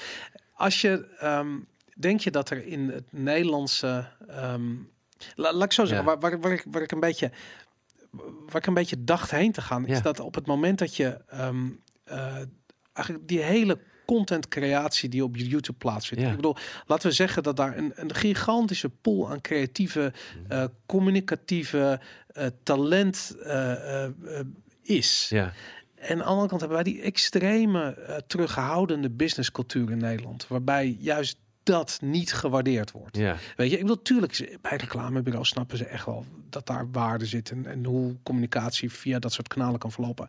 Maar 9 van de 10 keer is Nederland gewoon ontzettend conservatief. Mhm. En dan is het zoiets van, ja, maar zo'n... Die jongen die heeft een petje op, eh, moet hij dan mijn merk vertegenwoordigen? En hij heeft een keertje, eh, hij heeft een keertje, heeft hij gescholden in zijn ja, videootje. ja. Moet dit dan naar ons? Weet je, ik bedoel, er, er is, dat is toch niet compatible met elkaar? Dat, dat die wereld van makers en die oudere wereld. Ja. Eh, nou, uiteindelijk bedoel, ik zit er al een tijd in. Dus ik, bedoel, ik zat al ehm brand prop, eh, samenwerking voorstellen uit te sturen in 2007 of zoiets, denk ik zo'n beetje. Voor, voor, voor sommige hip-hop artiesten naar grote merken enzovoorts. En toen was het echt van ja. Is te urban, het is te urban, het is te urban, het is te urban, het is te urban. Motherfucker, het is gewoon popcultuur, weet je wel. Het was echt, oh ja, soms, weet je, maar ja, weet je, je ging gewoon maar door. Ja. Ehm, en in één keer kan er een omslagpunt komen vanuit een hoek die je helemaal niet aan ziet komen. Misschien in eerste instantie. Ik bedoel, als je kijkt naar wat eh, Spotify heeft betekend voor eh, de, de emancipatie van hip-hop hier in Nederland. In één keer was er een soort van gedeelde meetlat waar, waar, waaraan je het succes kon gaan afleggen. En in één keer staat er in de top 10 van de Nederlandse charts staan er gewoon zes hip-hop albums bijvoorbeeld. Hoe komt dat? Hoe is dat anders? Want ik daarvoor, laat ik zo zeggen, in 1990 werden de singles toch ook al verkocht? Of, Ja, maar singles werden wel verkocht. Alleen wat je, wat je, wat je, de, ehm, het publiek, zeg maar, op een gegeven moment, het publiek wat zeg maar hip-hop adept was, was zat veel meer op online, zeg maar. Dus het kopen van fysieke dragers enzovoorts was niet ten alle tijde iets wat, eh, wat zijn plek wist te vinden. Dus in de periode dat ik jong was, eh ja, Shaq Fu, Illmatic, 36 Chambers, al dat soort albums kocht ik wel, maar ik weet niet of in grote schaal die dingen werden gekocht. Eh, maar nu, Van mijn gevoel wel namelijk, omdat hij ja, maar, had. Dus ja, maar iedereen had. Maar, maar uiteindelijk, als je kijkt op. Ja, dan zat, zag je toch Marco Borsato, die gewoon Ja. op nummer 1 staat. En die, Guus Meeuwis, weet ik wel. ja. Dat, is, dat, dat was de overgrote merendeel van Nederland. Maar. Eh, en nu zie je gewoon dat jeugd gewoon met een Spotify-abonnement van hun ouders of whatever enzovoorts, die kunnen gewoon aanklikken klaar. En dat zetten ze gewoon vier uur lang aan en dan gaat gewoon ja, op die manier. Het is En- toegankelijker. Ja. Het is toegankelijker voor, voor de voor, voor dus en dat en de radio was ook natuurlijk een enorm belangrijk ding. En Spotify's lobby volgens mij om ervoor te zorgen dat hun streams, eh, wat ze denk ik samen met labels hebben gedaan, eh, streams ook werden meegeteld in de daadwerkelijke charge. Ja, dan krijg je in één keer weer een soort van, ehm, en misschien praat ik gewoon bullshit hoor. Sommigen zeggen zo met de muziekindustrie, maar dit is gewoon een beetje mijn visie erop. Mhm. Je creëert gewoon een, je gaat dan naar die ene norm waar iedereen probeert naar te kijken als wat voor waarde heeft het. Ja. En als jij dan in één keer schouder aan schouder staat in de charge met Marco Borsato en je heet Boef, Ja. ja, dan, dan, dan is het in één keer van, oh ja, er is een succes en er wordt veel naar geluisterd Ja. en er, er, is- er zijn views op te vinden, et cetera. En dan wordt het ook veel meer popcultuur zoals je nu ziet. Ik, ik vind Boef vind ik echt een fantastisch voorbeeld. Ja, Weet je, kijk, aan, oh, hij is de. Laat ik zo zeggen. Ja. Ik, ik, ik heb altijd een zwak gehad voor Steen, bijvoorbeeld. Weet je? Oh ja, ja, Dat- ja, ja, ik wil, ja. weet je, hij is eigenlijk nog grappiger in de documentaires en in de, de video-items die hij ooit voor BNN heeft gedaan. Dat soort dingen, dat, dat was fucking episch. Maar ook die, eh, de volledige politiek incorrectheid van zijn teksten, die zo kei en keihard was. Mhm. Ehm, eh, en omdat het waar was, weet je. Ik bedoel, die, die, die, die, die, die Hollandse spruitjeslucht bij die blanke rapper track. Dat, dat, ik bedoel, ik, eh, het, het is fucking fantastisch. En eh, Boef heeft eigenlijk ook zo'n een hele harde. Ik bedoel dat hij zegt over dat hij Kech zegt over die chick die die Ja. had, weet ik veel, die had ze had hem een lift gegeven. Ja. En ik denk van, dude, weet je, je kan het echt niet maken Mhm. en toch doen. Ja. En toch ergens op dat ogenblik al, al realiseren van... Kijk, ik denk, ik ken hem helemaal niet. Maar Nee. misschien dat hij zelf al zoiets had van... Ja, oké, weet je, die meiden waren best wel aardig. Weet je, fuck het, ze hebben me geholpen. Mhm. Maar hij had ook zoiets van, dit is mijn imago. Weet je, dit Mhm. is wel wie ik ben. Dit is mijn Mhm. community. Dit is, Mhm. die is veel meer aan de hand dan alleen maar een jongen... die toevallig een lift heeft gekregen van twee chicks. Dat is niet, er gaat veel meer aan. En dat vind ik het grappige, dat hij in staat is om... eh imago-wijs aan de verkeerde kant van de... Mhm. En ik, ik, ik wil er helemaal geen oordeel over vellen, maar even om het gesprek... Ja. eh, Ja. hij, hij zit net aan de verkeerde kant ervan, maar commercieel gezien zit hij aan de goede kant ervan. Ja. En ik denk dat dat de truc is, om die twee dingen met elkaar in evenwicht te houden. Alsof je bijna hangt en je, je houdt de andere hand nog vast om te proberen niet eraf te vallen. En hij kan dat heel goed, maar voor de rest, ik zie dat zelden. Ik bedoel, Mhm. kijk, kijk naar de, de eh, en ook niks ten nadele. Het zijn allemaal fantastische artiesten, maar eh Ali B, die heel kwaad was, is in het begin van zijn carrière altijd Ja. al heel kwaad. En op een gegeven moment gewoon, volgens mij heb ik dat ik in een interview gehoord, te horen heeft gekregen, je moet niet zo kwaad doen, man. Mensen Ja. worden bang van je. Ja. En toen is hij dat, is hij dat maar op gaan houden. Ja. En dan gaat het succes. Ja. Ik had iets van, fuck, weet je. Het, is, het gaat om die woede, weet je. Ja. Die woede maakt echt. Ja. Weet je, die, die, die, goed of slecht, whatever. Straat is straat. En dat zeker. is, dat is wat een boodschap echt maakt. Mhm. En ik, ben, ze- en ik zie exact hetzelfde in, in die hele YouTube-cultuur. weet je. Ja. Ik bedoel, dat ging op een gegeven moment ging het een, grens op, of een grens over, denk ik ook wel. En ehm, ja, weet je, de, de jongens die dat deden, werden, eh, weet je, werden, werden eruit geknikkerd. Die moesten weg bij de MCN's. Ja. Tuurlijk, wat ze deden was smakeloos. Het is Ja. fucking smakeloos. Maar aan de andere kant heb ik zoiets van... Maar eigenlijk zit ik naar iets te kijken wat echt is. Versus die ge- voorgeproduceerde shit die ik al mijn hele leven zie op televisie. Weet je, ik hoe, hoe, hoe zie je dat? Uh, Ja, nou, ik bedoel, puur over Boef. eh, ik vind Boef een fenomeen. Eh, ik vind wat Boef doet. eh, ik ben heel blij, denk ik, met de stappen die hij zet. Want er gaan de komende decennia jongere boefjes op komen dagen. Ja. En die moeten ook een pad kunnen krijgen. En ik denk dat een, een Ali B was dat misschien tot Boef, wat Boef Ja. dan voor hen gaat zijn. En ja, weet je, het, het, het jammerlijke is voor iemand als Boef, denk ik, is dat hij zijn faam en zijn succes mede heeft te danken aan zichtbaarheid online. Ehm, dus dat betekent ook dat al dat wat hij, je, je wordt opeens beroemd. In één Ja. keer heeft heel Nederland te zeggen. Ineens, die, dat hypocriete gelul aan tafel bij RTL Late Night, waar iedereen over hem viel, weet je wel. Ja. En eh, dat vond ik echt verschrikkelijk. Ja. Ik bedoel, en ik vond het nogal mooi hoe hij zichzelf pareerde. Maar je doet dat in het open publiek. Weet je, vroeger had je nog een soort van. Eh, in de tijd van. eh, kijk, Michael Jackson is een beetje gestoord ge- ge- geworden. Vond, vond men op het moment dat het internet toenam. Toen zeg maar veel meer verhalen over hem gedeeld konden gaan worden, et cetera. Ja, Voor ja, mij kan je het echt aan elkaar verbinden. Maar daarvoor waren artiesten die konden heel lang in de, in de low, in de luwte, hun, een, een groei naar faam maken. Waardoor het niet een overnight celebrity was. Ja, Vandaag de dag doe jij, ben je dat aan het oefenen en het stoeien, doe jij in aan publiek. Want iedereen heeft een mobiele telefoon bij zich. Dus ook de momenten van dat hij bijvoorbeeld iets als kech zei en dan even los Ja. wat je ervan vindt of niet. Mhm. eh, dat is dan ook meteen aan publiek. ja, Weet je wel? En ja, weet je, ik heb ook bullshit dingen gezegd. Dat als ik op een gegeven moment erop terugdenk, oh geluk, als ik dat online was geweest en ik was beroemd geweest, ja. had ik ook eh, Ja. Nederland over me heen gehad. En eh, dus ik snap ook wel dat, dat, dat het lastig is. En ja, dan krijg je die dans. Ben je de perfecte schoonzoon of ben je het boefje, weet je wel? En, en dat is mooi is daartussen komt. Toepak deed dat ook uiteindelijk, weet je Ja. wel? Ik bedoel, die ene moment eh, kon hij ervoor zorgen dat hij, dat is toch wel een hele vriendelijke, aardige, welbeleesde, geïnspirerende gast. En dan twee maanden later eh, maakte die Notorious B.I.G. voor alles en nog wat uit, weet je wel? Dus Terwijl zij met elkaar op de toneelacademie hebben gezeten. Daar kenden ze elkaar van. B.I.G. en Toepak op de... Ja, oh, wauw. in Brooklyn op de toneelacademie. dat wist ik niet. Ja, ze wist hebben, ze hebben een hele klassieke toneelopleiding gedaan. Oh, dat is bizarre. En daarom ook die hele... Nou goed, er gaan natuurlijk genoeg theorieën over de ronde. Maar eh, volgens mij is die hele shit gewoon in scène gezet. Ja? Dit, is gewoon, dit hebben ze met elkaar bedacht. Dit werkte. eh, waarschijnlijk met Shook Knight erbij. En Mooi die, heeft het, die heeft het uiteindelijk de, de, de, de, de kling overgejaagd. Want die zag, ja, het is business. Gewoon Shakespeare eigenlijk gewoon. Eigenlijk wel, Over ja. 100 jaar op Broadway staat de Biggie Tupac musical. Maar ook het hele idee dat hij, die, hij had die, die uh, Tupac had die ehm Machiavelli album Ja. was al klaar, weet Ja. je. Terwijl iedereen zoiets had van, wacht, wacht heel eventjes. Weet je, Ja. je album heet Machiavelli. Je Ja. bent dood, geschoten. Iedereen heeft je like gezien. mhm, Maar je hebt nu een nieuw album dat heet Machiavelli. ja.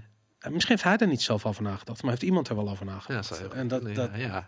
ik bedoel, het is, het is bijna zo plat en voor de hand liggend. Dat, het, Ja. dat, je, dat kan toch niet waar zijn? Maar dat... ja, ehm, ik, ik, ja, het zou hartstikke mooi zijn als, als hij ooit opeens ergens zegt: Hallo, ik eh, leef nog steeds. Ja. Eh, maar ja, ik, ja, I don't know. eh, misschien, ja, ik denk dat hij wel dood is. Maar Hey, maar even, even Ja. terug over Boef en, en, en, en, en, en, en, en media online. Wat, mhm, ik bedoel, het is inderdaad zo dat, dat gasten waar je nog nooit wat van gehoord hebt, als die bij wijze van spreken de, het meisje achter de McDonald's verrot schelden, dat je opeens de, dat ze de heel Nederland het erover heeft. Zo makkelijk is het. Je hoeft het alleen maar online te zetten. absoluut. Ehm, wat, wat betekent dat voor, voor mediamakers anno 2018? Het is part of the job. Weet je wel, Eh, als jij ervoor kiest om eh, in de schijnwerpers eh, te gaan staan en groot te gaan worden, krijg je criticasters. Je hebt altijd criticasters gehad eigenlijk. Ja. Eh, en als jij eh, het deels nodig hebt dat, denk ik, dat er een bepaalde, ja, dat, dat er verhalen of dat er over je wordt gesproken op het moment dat je ook zeg maar dat randje laat zien, dat, dat het rebelse. Eh, dan, en je gaat dat inzetten als instrument. En dat doen sommigen heel sterk. eh, Ja. om, om te komen waar ze moeten zijn door zich expres af te zetten tegenover de, de, de norm. Eh, ja, dat, het- dat het wel een pad is dat, dat dat soms in je voordeel speelt en soms Mhm. ook tegen je kan spelen. Ja. En soms zul je ook dingen, dingen een beetje misbeoordelen en dan krijg je het terug in je gezicht gestouwd. Maar ja, dan is er altijd nog wel eh, de route, omdat je direct tot je publiek spreekt, zoals Boef dat kan, eh, dat je altijd nog wel gewoon je publiek weet te bereiken. En dat het publiek, eh, denk ik, tot heel ver met je mee wil gaan in als je gewoon je excuses aanbiedt en zegt, ja, dat is gewoon domme shit van me, weet je wel Ja, de beleving ook rondom artiesten is ook steeds meer, denk ik, niet meer zo van.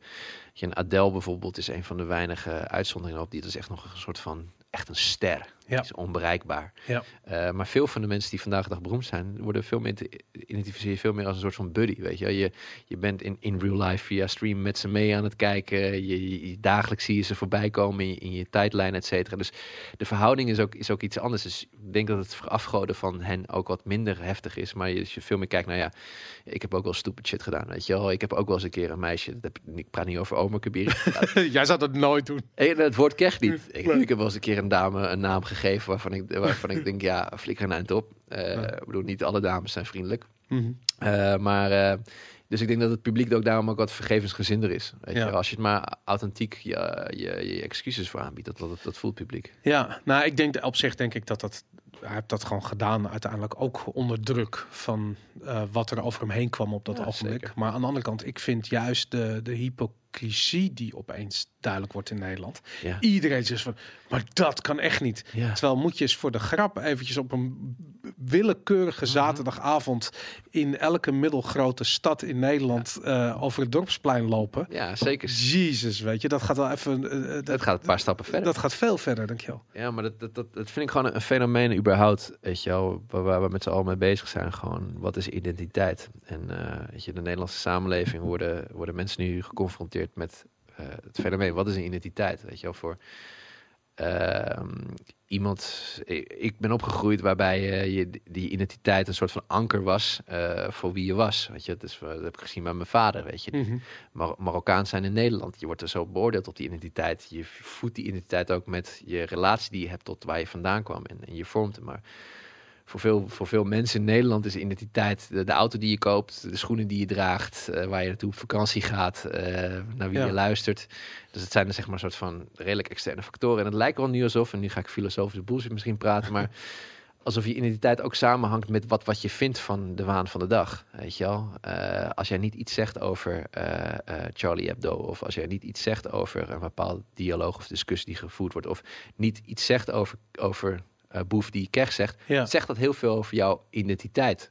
Dus ik heb bijna het idee dat mensen hun identiteit aan het vormen zijn door kritiek te, voor, te uiten richting mensen, zeg maar. Weet je? Dus Ja. ik, ben een, eh, ik, ik, ik respecteer vrouwen omdat ik eh, afstand doe voor wat, wat Boef zegt. Weet je, ik ga daar, ik tweet daarom, eh ja, flikker al eind op Boef met je. Dat zeg je niet over dames. En dat, Nee. daarmee bouw- bouwt men of zoiets vandaag de dag een beetje eh, hun identiteit mee op of zoiets. En dat vind ik wel een interessant fenomeen. En vind je dat social media een grote rol speelt in het, in het polariseren van dat soort discussies? Nou, ik denk, ik vind niet dat het een.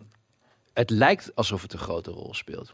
Alleen, ja, weet je, als ik op een feestje ben ehm, en ik eh, zit daar met 30 man, en dan heb je eigenlijk altijd eh, drie mensen die het feestje overstemmen. Ja. Weet je wel? En de rest is allemaal gewoon lekker relaxed. Ja. Aan het praten. Weet je, het is, eh, het is die, het is dat, die, hockey, die hockeydame met die heese stem. Die, hey jongens. Het is die ene wat oudere gast die niet weet dat hij eigenlijk al lang al weg moet zijn. Want hij is 40 en de rest is, Ja. weet je. En, dat, en ja, dat, dat, dat, die vallen op. Maar dit zijn, ze zetten niet de toon van het feest. En ik denk dus dat dat wel gebeurt met social media. Dat we er naar kijken alsof het zeg maar de toon is wat we zien. Ja. Maar nee, eh, we moeten meer kijken naar dat wat er niet te zien is. En, eh, Wat ik vind, weet je wat ik zo fascinerend vind? Ik vind nu voor het eerst eh, dat ik ehm, dat ik merk dat mensen weg willen van die polarisatie. Dus we zijn een hele tijd hebben we dat gewoon gedaan. Ja. Weet je, tegen Boef zeggen van nee, dat mag niet. Of juist zeggen van doe. Weet- Ja. Whatever. Een van de kant. En eh, deze keer, en het, het, het, het feit dat we het onderwerp bespreken is natuurlijk al verschrikkelijk, maar de Zwarte Mhm. Pieten discussie. Ja. Daarbij heb ik dit jaar voor het eerst dat Ja. ik zie dat mensen zoiets hebben van, weet je, ik wil niet meer onderdeel zijn van de discussie. Ja. Weet je, aan de ene kant eh, ehm, realiseer ik me dat eh, waar, en ik ben ook een soort van heel lang, heel fel anti-Zwarte Piet geweest. Mhm. Maar ik realiseer me ook van dit is niet een discussie die gaat per se over sociale. ehm, de, eh, ja, over eigenlijk over, over, onze, over onze gemeenschap. Dit is gewoon heel simpel. Dit is een IQ-test. Weet je? En op het moment dat je niet faalt voor de IQ-test, je gaat niet mensen uitlachen die niet slagen in de IQ-test. Mhm. Dat is een beetje. Nee, dat- st- en een IQ-test is ook altijd een beetje contextafhankelijk. Weet je, Ja. heb jij goed geslapen, dan scoor je waarschijnlijk iets beter dan iemand die, ja. die, die nog een kater heeft, whatever. Ik bedoel, er zijn altijd wat verzachtende omstandigheden te verzinnen. Maar ik heb zoiets van, ja, je, weet je, als je, hem, als je ervoor geslaagd bent voor de IQ-test, top, geweldig voor jou. Weet Ja, je, maar ja. moet je dan de rest, Daarmee, eh, daarmee, moet, moet je daar wat mee, weet je? En Ja. dat zie ik nu voor het eerst, dat mensen zoiets hebben van, ja, ik, die discussie is een beetje ongemakkelijk, weet je? Het is gewoon een beetje, ja, ik vind het persoonlijk, denk Mm. ik, een van, de, een van de mooiste cadeautjes die we als samenleving eh, onszelf hebben geschonken. de discussie. Die discussie. Ehm, A, als je kijkt naar waar het vandaan komt. De Mm. periode dat Gerda Havertong in eh, Sesamstraat er ooit een keertje wat over uitte. Dat is een jaren tachtig is dat, hè? Jaren tachtig, hoe daar geen gehoor echt aan was. En eh, Mm. je ziet al die dingen die terugkomen. En ik was vroeger, wilde ik ook Zwarte Piet zijn. Ik was, de hele, ik was een jonge kid, eh, I don't know. En als je ziet dat waar het nu staat, laat Ja. eigenlijk zien dat de emancipatie van de minderheden in Nederland eigenlijk behoorlijk goed onderweg is. Dat het zo geadresseerd mag worden. En tegelijkertijd wat ervoor zorgt is dat dan degene die dan tegenover staan, eh, in één keer worden geconfronteerd eh, met een discussie waarin een identiteit lijkt te ver- vervlochten lijkt te zijn met jouw emotie, met waar je voor wilt staan. Ja. Weet je, dus mijn vader, als die, mijn vader is redelijk donker, krulletjes, et cetera. Nou ja, Mm. eh, als hij werd aangehouden door de politie vaak, of vrienden die om de zoveel tijd hun rijbewijs moesten omruilen, omdat ze door de, zo vaak door de motorhandschoenen waren aangeraakt.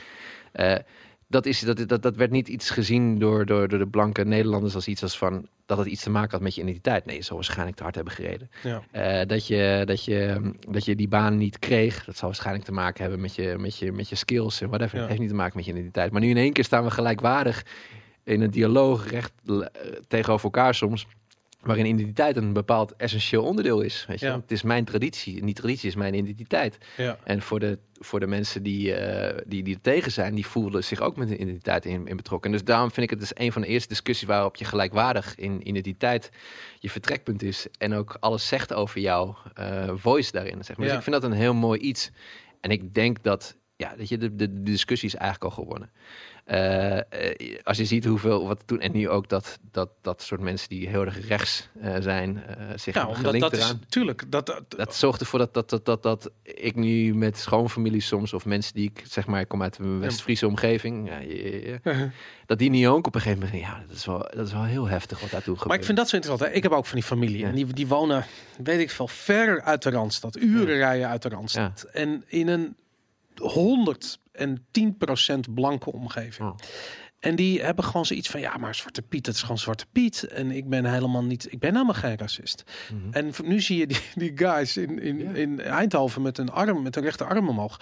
En dat zelfs die mensen zoiets hebben, die kijken dat twee, zoiets van, wow, wacht heel even. Dat Mhm. betekent dus dat ik hierbij hoor op het moment dat Ja. ik misschien wat genuanceerder in deze discussie staat. Ja. En die hebben gewoon zoiets van, fuck deze hele shit. Ja. Laat het maar een andere variant vinden. Piet, ja. jij zit, maar dit moet weg. Weet Ja. je? En dat, dat- ja, nee, dat, En, dat vind ik persoonlijk wel het startpunt van, weet je, kijk, die, die, dat Zwarte Piet de discussie, die gaat zo meteen vertrekken. Mhm. Eh, maar wat dit zich, ons zou moeten leren, denk ik, is juist dat voor heel veel mensen buiten de Randstad eh, vertrekken er best wel veel kansen. Is hoop in de Ja. toekomst, wordt ze ontnomen. Eh, en de schuldigen die worden daardoor aan worden gewezen, zijn niet de juiste mensen. Het zijn niet de minderheden. Dat Nee. zijn andere dingen die spelen. Ja.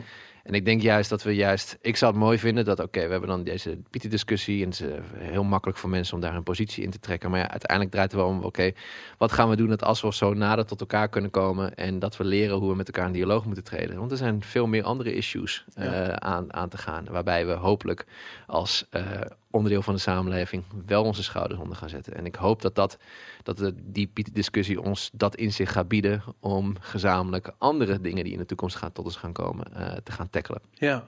Dat is... eh, Wat, wat, wat voor soort dingen zie je? Want eh, eerlijk gezegd, ik, ik maak me grote zorgen over die, die tweedeling. En waar vroeger de tweedeling misschien was tussen als je, weet ik veel, in Amsterdam Zuid opgroeide versus dat je in Amsterdam Noord opgroeide, ik zeg maar wat.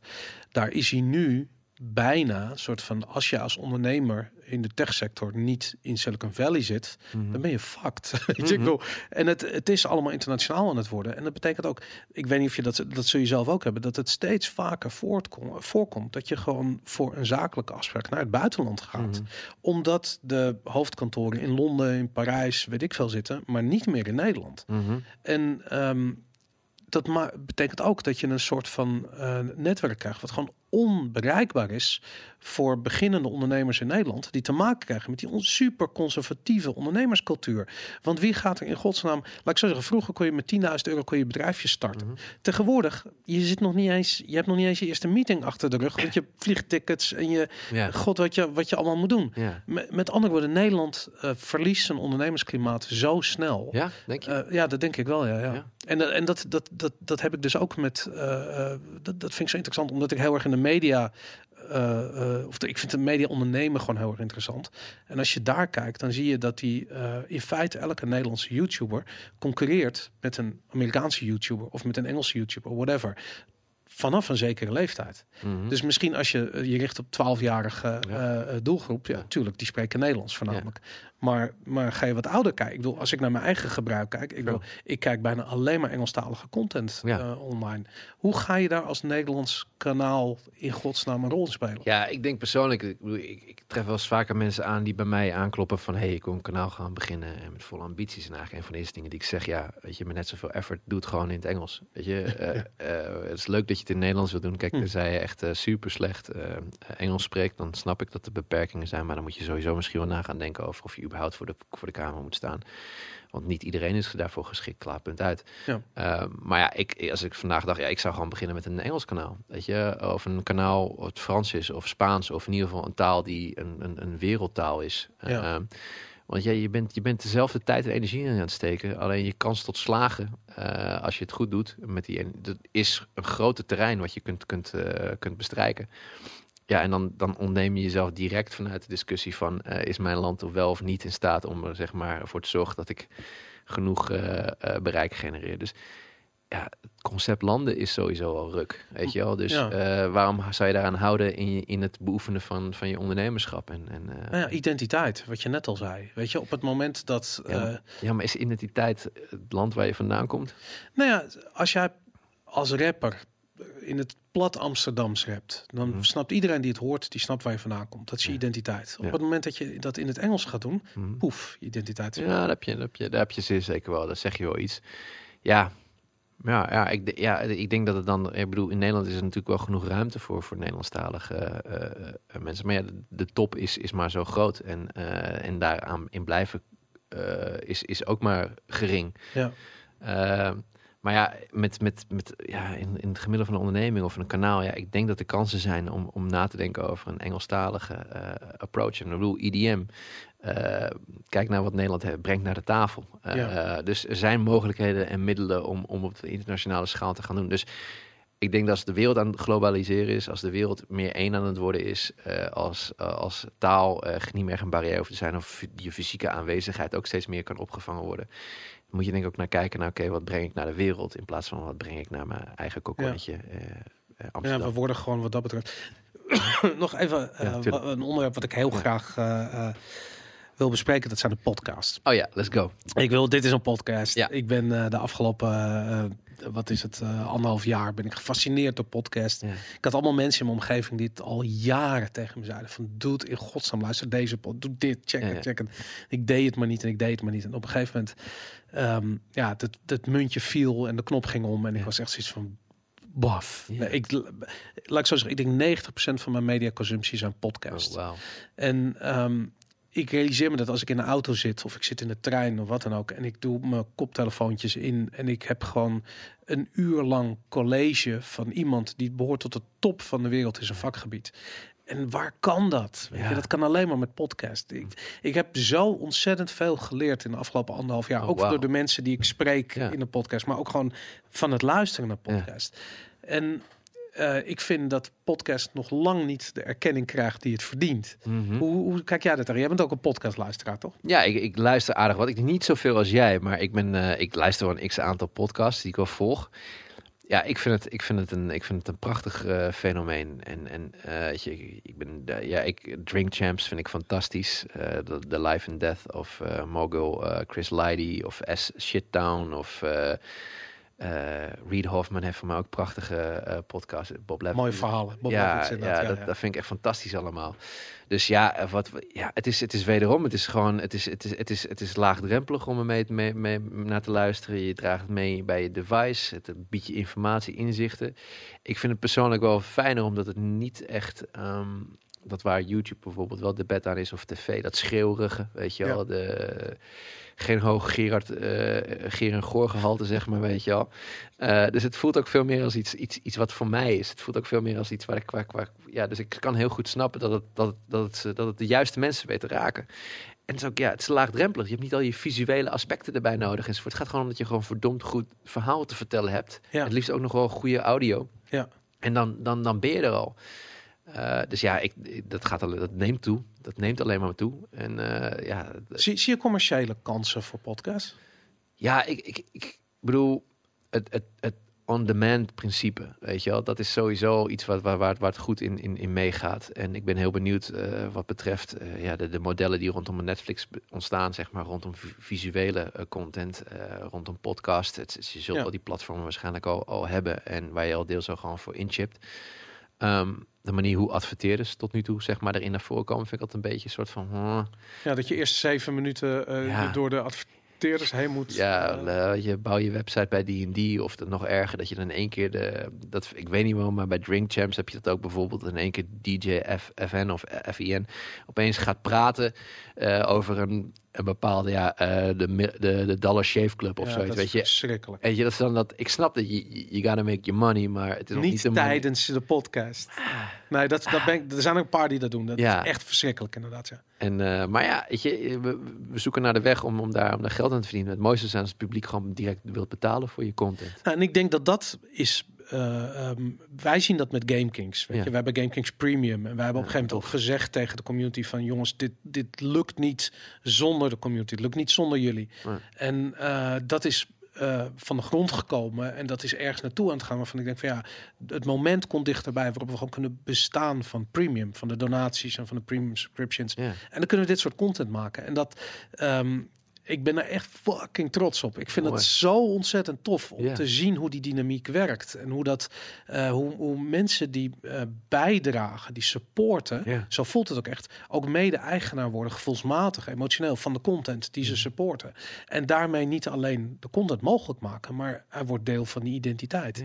En dat vind ik ja, fascinerend. En ik, ik heb altijd zoiets van, Ja. zo van, tada, zo moet Ja, het. En dan kijk ik om me heen, zo van, waar is iedereen die, waarom gaat niet iedereen dat op die manier doen? Weet je? En dan zie je echt mensen, ik weet niet, weet je, werkt dat zo? Ik heb geen idee. Mhm. Vooral traditionele mediabedrijven snappen dat niet. Nee. En ik heb echt zoiets van, ik vind dat YouTubers zouden dat eh, zou- veel meer in de praktijk kunnen brengen. Ja, je, je bedoelt in Amerika is Patreon-achtige dingen zijn. Ja. eh, Patreon zijn al aardige dingen die, die, die, die landen. Eh, ik merk nog wel bij veel YouTubers voelt het nog wel raar om. eh kijk, degene die wat meer internationaal zijn georiënteerd, of misschien in de gaming sectie meer, meer zitten, enzovoorts, die, die zien dat in het buitenland en die, die durven het wel hier te adapteren. Veel voor de makers die ik hier in Nederland zie, is zeg maar dat ze het moeilijk vinden dat, om dat te gaan vragen aan hun kijkers, die voor een groot deel jong zijn. Ja. Eh, en dat die dan in één keer ervan doorgaan met een ouders eh, creditcard of eh, whatever enzovoorts. En dat je moet bedelen bij je fans om. Terwijl ja, het is juist eventjes los van, je wilt natuurlijk wel dat degene die inchippen, dat die dat doen op een bewuste manier. Niet dat het een kind is wat eh, zijn ouders bankrekening leegtrekt. Eh, maar als het op een goede manier gebeurt, dan is het alleen maar ten goede van dat wat je maakt. Weet je? Ja. Dat betekent dat jij dus... Dus bijvoorbeeld, zonde is bijvoorbeeld dat een, een, een gemiddelde vlogger die maakt een videootje in één dag en die kunnen ze zetten voor 20 minuten, die edit eh, de volgende dag op YouTube. Ja, En hebben ze maar hebben ze één dagje voor gewerkt. Ja. Weet je, er nog ineens waarschijnlijk gewoon een half dagje voor gewerkt. Versus iemand die sketches maakt en die eh, een week moet bezig zijn om vier minuten op, op beeld te krijgen. Ja, en dan heeft die guy elke dag een video van 20 minuten ge- geüpload, keer 5, is 100 minuten versus jouw 4, minuten. Nou ja, YouTube is blij met die 100 minuten, want er zitten meer adverteerders, adverteerdersmogelijkheden bij dan die 4 minuten. ja. Maar ja, hoe lang ga je het dan volhouden mee als sketchmaker? En Ja. hoe kun je ervoor zorgen dat je elke keer je publiek blijft verrassen? Ja, en voor hen is het gewoon essentieel dat je dan het publiek dan laat betalen. ja, En dan kun je mooiere, betere eh, dingen maken. ja. Dus ja, ja, heel graag als dat de norm mag gaan worden. Eh, Ja, en ik zat namelijk heel erg na te denken van ja, hoe gaan bedrijven, ehm, hoe gaan bedrijven snappen wat de meerwaarde is van die hele eh, intensieve communicatie die je hebt als contentmaker. Ja. Als je bijvoorbeeld een podcast doet Ja. versus eh, dat, dat hele korte contactmoment wat je hebt als je Ja. wat commercial eh, doet. En op bijvoorbeeld deze podcast duurt twee uur. Als ik dan terugkijk in de statistieken, dan heeft 89% die heeft hem afgeluisterd. Dat is insane. Ja. Ik bedoel, jij Mooi. als videoman, je weet Ja. gewoon van Ja, alles boven de drie minuten, dat daar haakt al 60% wel wat af. Ja, Ja, dat is zeker. heel groot. De- En, en ik dacht van ja, dat zegt iets, weet je. Dat zegt iets over de, eh, eh, over, over de impact van de content. Het zegt iets over, over het, eh, eh, de rol die de content speelt. Maar het zegt ook iets over het emotioneel eigendom wat, de wat, de, wat de luisteraar heeft. Of de kijker, of whatever, met die content.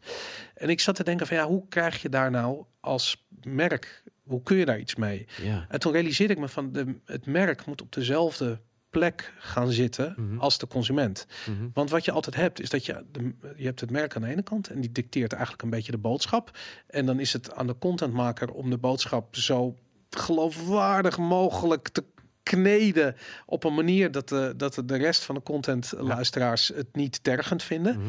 En negen van de tien contentmakers kunnen dat niet. En daardoor wordt het uiteindelijk een soort awkward toestand. Ik dacht van ja, waar, wanneer, wa- wanneer kun je dat probleem omzeilen? Als je die, die, die commerciële partij op die stoel zet van die, van die consument. Ja. Als je laat ze meedoen in het Oh ja. supporten Ja, van, van de show. Van de show. Ja. That's it. Mooi. Weet je, geen andere eh, voorwaarden, niet Nee. producten bespreken, niet dit, niet dat, niet zus, niet zo. Het enige is, ze snappen er geen moer van, want ze luisteren nog een podcast. Ja, maar, ja, maar dat klopt. Maar dat, dat, dat wat de aan nog eventjes wat betreft die, die kijk ook de, de, de luistertijd in jullie geval versus watchtime. En, eh, kijk, het ding is ook wel wat, wat podcast natuurlijk heel makkelijk maakt is je kunt andere dingen doen terwijl je Ja. podcast luistert. Video kijken, je bent geconsumeerd op al je zintuigen en je, ik kan niet een video kijken en tegelijkertijd bezig zijn met koken en eh, mijn kind eh, voeden. Dus daar is dat is gewoon heerlijk, weet je, zo'n podcast kan je gewoon lekker aan laten staan en je, je tap mee. En als je dan praat over dan hoe merken dan, ik vind het, daar een access tot kunnen vinden. Ik vind het een slim idee dat je zegt, we zetten op dezelfde positie als de luisteraars. Ze kunnen de show supporten op, op, op dergelijke wijze. Dat voelt als een heel normaal vertrekpunt. Ja. Maar dat ze het zelf nog niet daar binnen de muren hebben weten te bewerkstelligen om daar een soort van een leercurve op aan te kunnen passen en daar een inzichtrijke stap in te kunnen gaan maken. Het is ook wel, ik merk, het- ik, ik vind dat er soms best wel hard zijn voor adverteerders en voor, ehm voor de merken op dat gebied. Van waarom snap je dat niet en, en waarom ben je daar nog niet in? Wat ik ook zie is dat heel veel organisaties in de afgelopen periode eh, hun, hun, hun, hun, en dat zie je ook bij, ook, ook bijvoorbeeld bij nieuwsredacties, ze slinken. Weet je, ze moeten meer doen met minder. Ja. Eh, en dus constant output, output, output, output. Burnouts eh, at an all-time high. Dus wat ik ook vaak aantref is dat gewoon die mensen die daar intern zitten, gewoon, ja, die, die krijgen nog ineens de tijd om, om, om eventjes, eh, wat is podcast? Laat ik eens een workshop erover gaan doen. Laat ik eens eventjes voor gaan zitten. Nee, want het is, ik ben op werk, dan ben ik thuis, dan moet ik mijn kids verzorgen, dan in het weekend heb ik allemaal andere.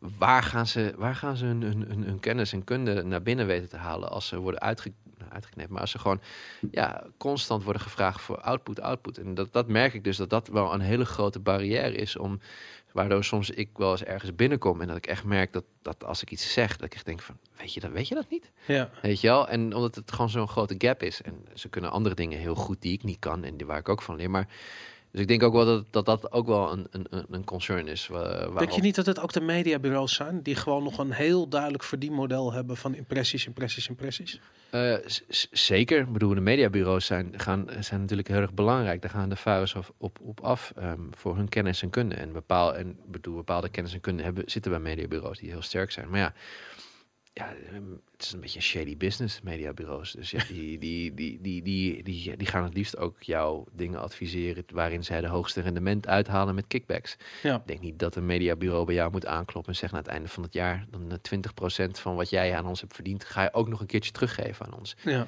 zeg jij, eh vlieg er een eind op. Ja, nee, maar dat, dat gebeurt dan standaard. Ja, dat is ja. standaard. Maar het, wat ik zo bizar vind, is dat eh, ik zie in... En het, het is heel chargerend, hè, want ik wil de industrie, het bestaat niet eens. Maar wat ik daar zie, is een soort van... eh, het kan ze eigenlijk niet zoveel schelen, zolang ze maar iets te rapporteren hebben. Ja. Met andere woorden, views eh, eh, zijn heilig. Eh, eh, daarnaast het effect van het bereik, eh, whatever man. Ja. Heb je iets leuks gedaan? Heb je lol gehad? Ja. Top, leuk voor jou. Weet je?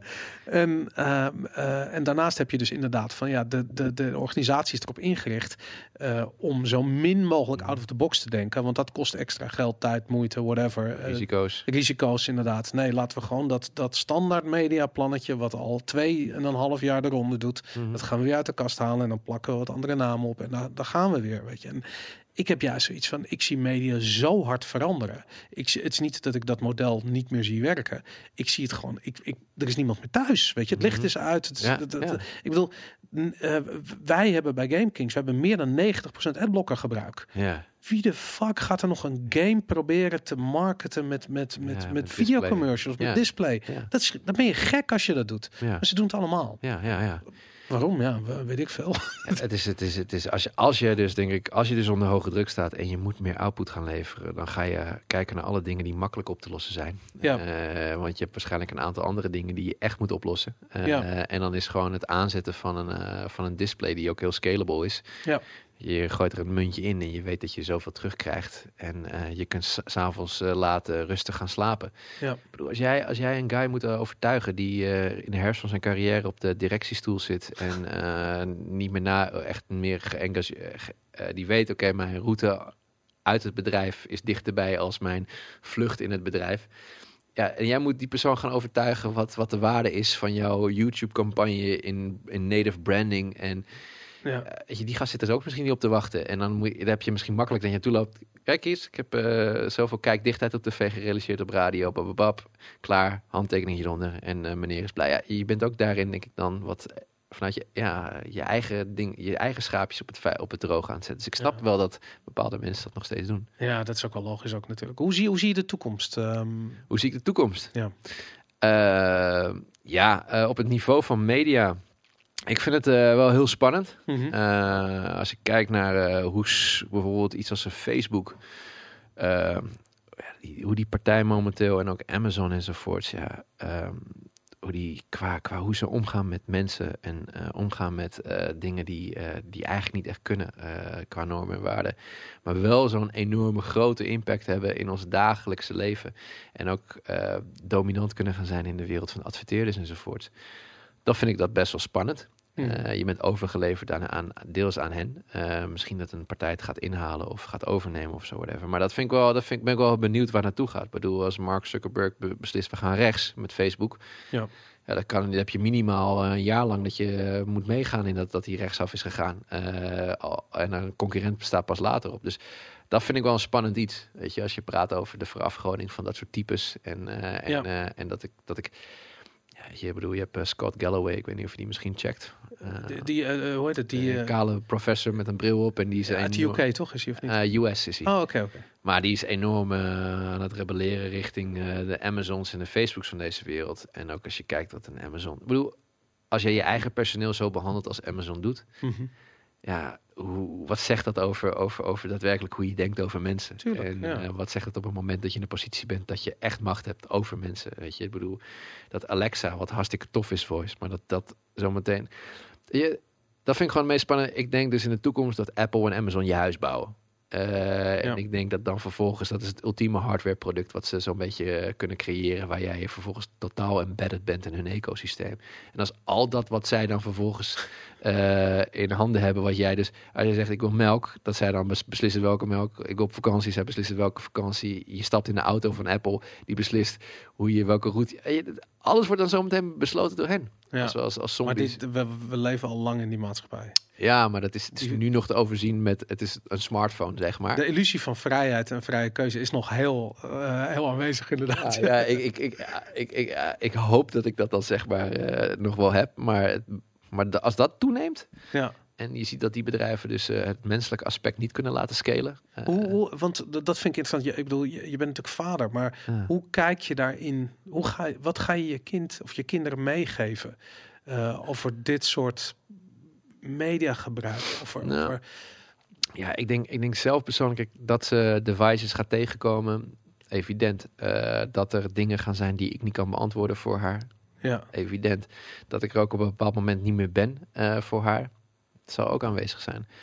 Ja, dus het enige wat ik denk ik eh, kan, kan, kan brengen eh, is een bepaalde vorm van zelfredzaamheid. Eh, een bepaalde manier van zo autonoom mogelijk proberen je perceptie te creëren en Ja. je acties eh, vanuit, je, vanuit je eigen ik eh, daarop te laten eh, bewegen. En daarmee hoop ik gewoon een mens neer te zetten dat, dat dat altijd wel in staat is om een eigen mening te kunnen gaan vormen, een eigen keuze te kunnen gaan vormen, ondanks wat de wereld om haar heen doet. Ja. Ehm, ja, en dat is wat ik dan doe. En ja, devices, screens, ja, ik ben soms...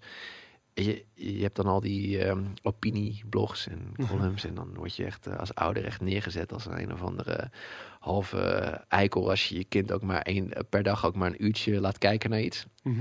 Ik moet je ook wel zeggen, ja, soms komt het me ook wel goed uit dat ik het even aanzet en dat kan ik even koken, kan ik even Tuurlijk, zus, kan ik zo. Dus ja, ik ben er zelfs misschien nog een beetje de beta, maar ja, aan de andere kant denk ik ook, ja, hoe erg, hoe erg is het ook uiteindelijk? Weet je, het wordt nu ook wel heel erg overtrokken soms, hoe erg Ja. het impact is, maar ik ben nog wel zoekende. Ja. Nou ja, ik denk dat dat is ook wat ouderschap is. Zoekende Zoeken. zijn. Ja, en, ik denk niet dat er goede of slechte antwoorden Jij zijn. bent mijn guru wat betreft eh papaschap. ik loop een paar jaar voor op Ja, maar, zeker. maar inderdaad. Nee, maar ik, ik, ik heb, op een gegeven moment realiseerde ik me van Ja. de, eh, wat jij omschrijft. Hè, dat dat Apple en Amazon die gaan je huis bouwen. ja, En vooral de vanzelfsprekendheid waarmee dat betekent dat je vrijheid inlevert. ja, Ehm, en ik ben ervan overtuigd dat, eh, net als wat je aan het begin van de podcast ook zei, dat je ehm, eh, je doel in het leven eh, moet ergens in het domein van geluk liggen. En dat komt er alleen als je een soort van persoonlijke vrijheid kunt creëren. En wat ik heel erg bizar vind aan deze maatschappij, is dat mensen dat over het algemeen wel weten, Mhm. maar dat ze niet begrijpen dat er bij die persoonlijke vrijheid in het verlengde, onlosmakelijk verbonden, daar een persoonlijke verantwoordelijkheid zit. ja. En die verantwoordelijkheid die schuiven ze het liefste af naar iedereen die zich als specialist presenteert.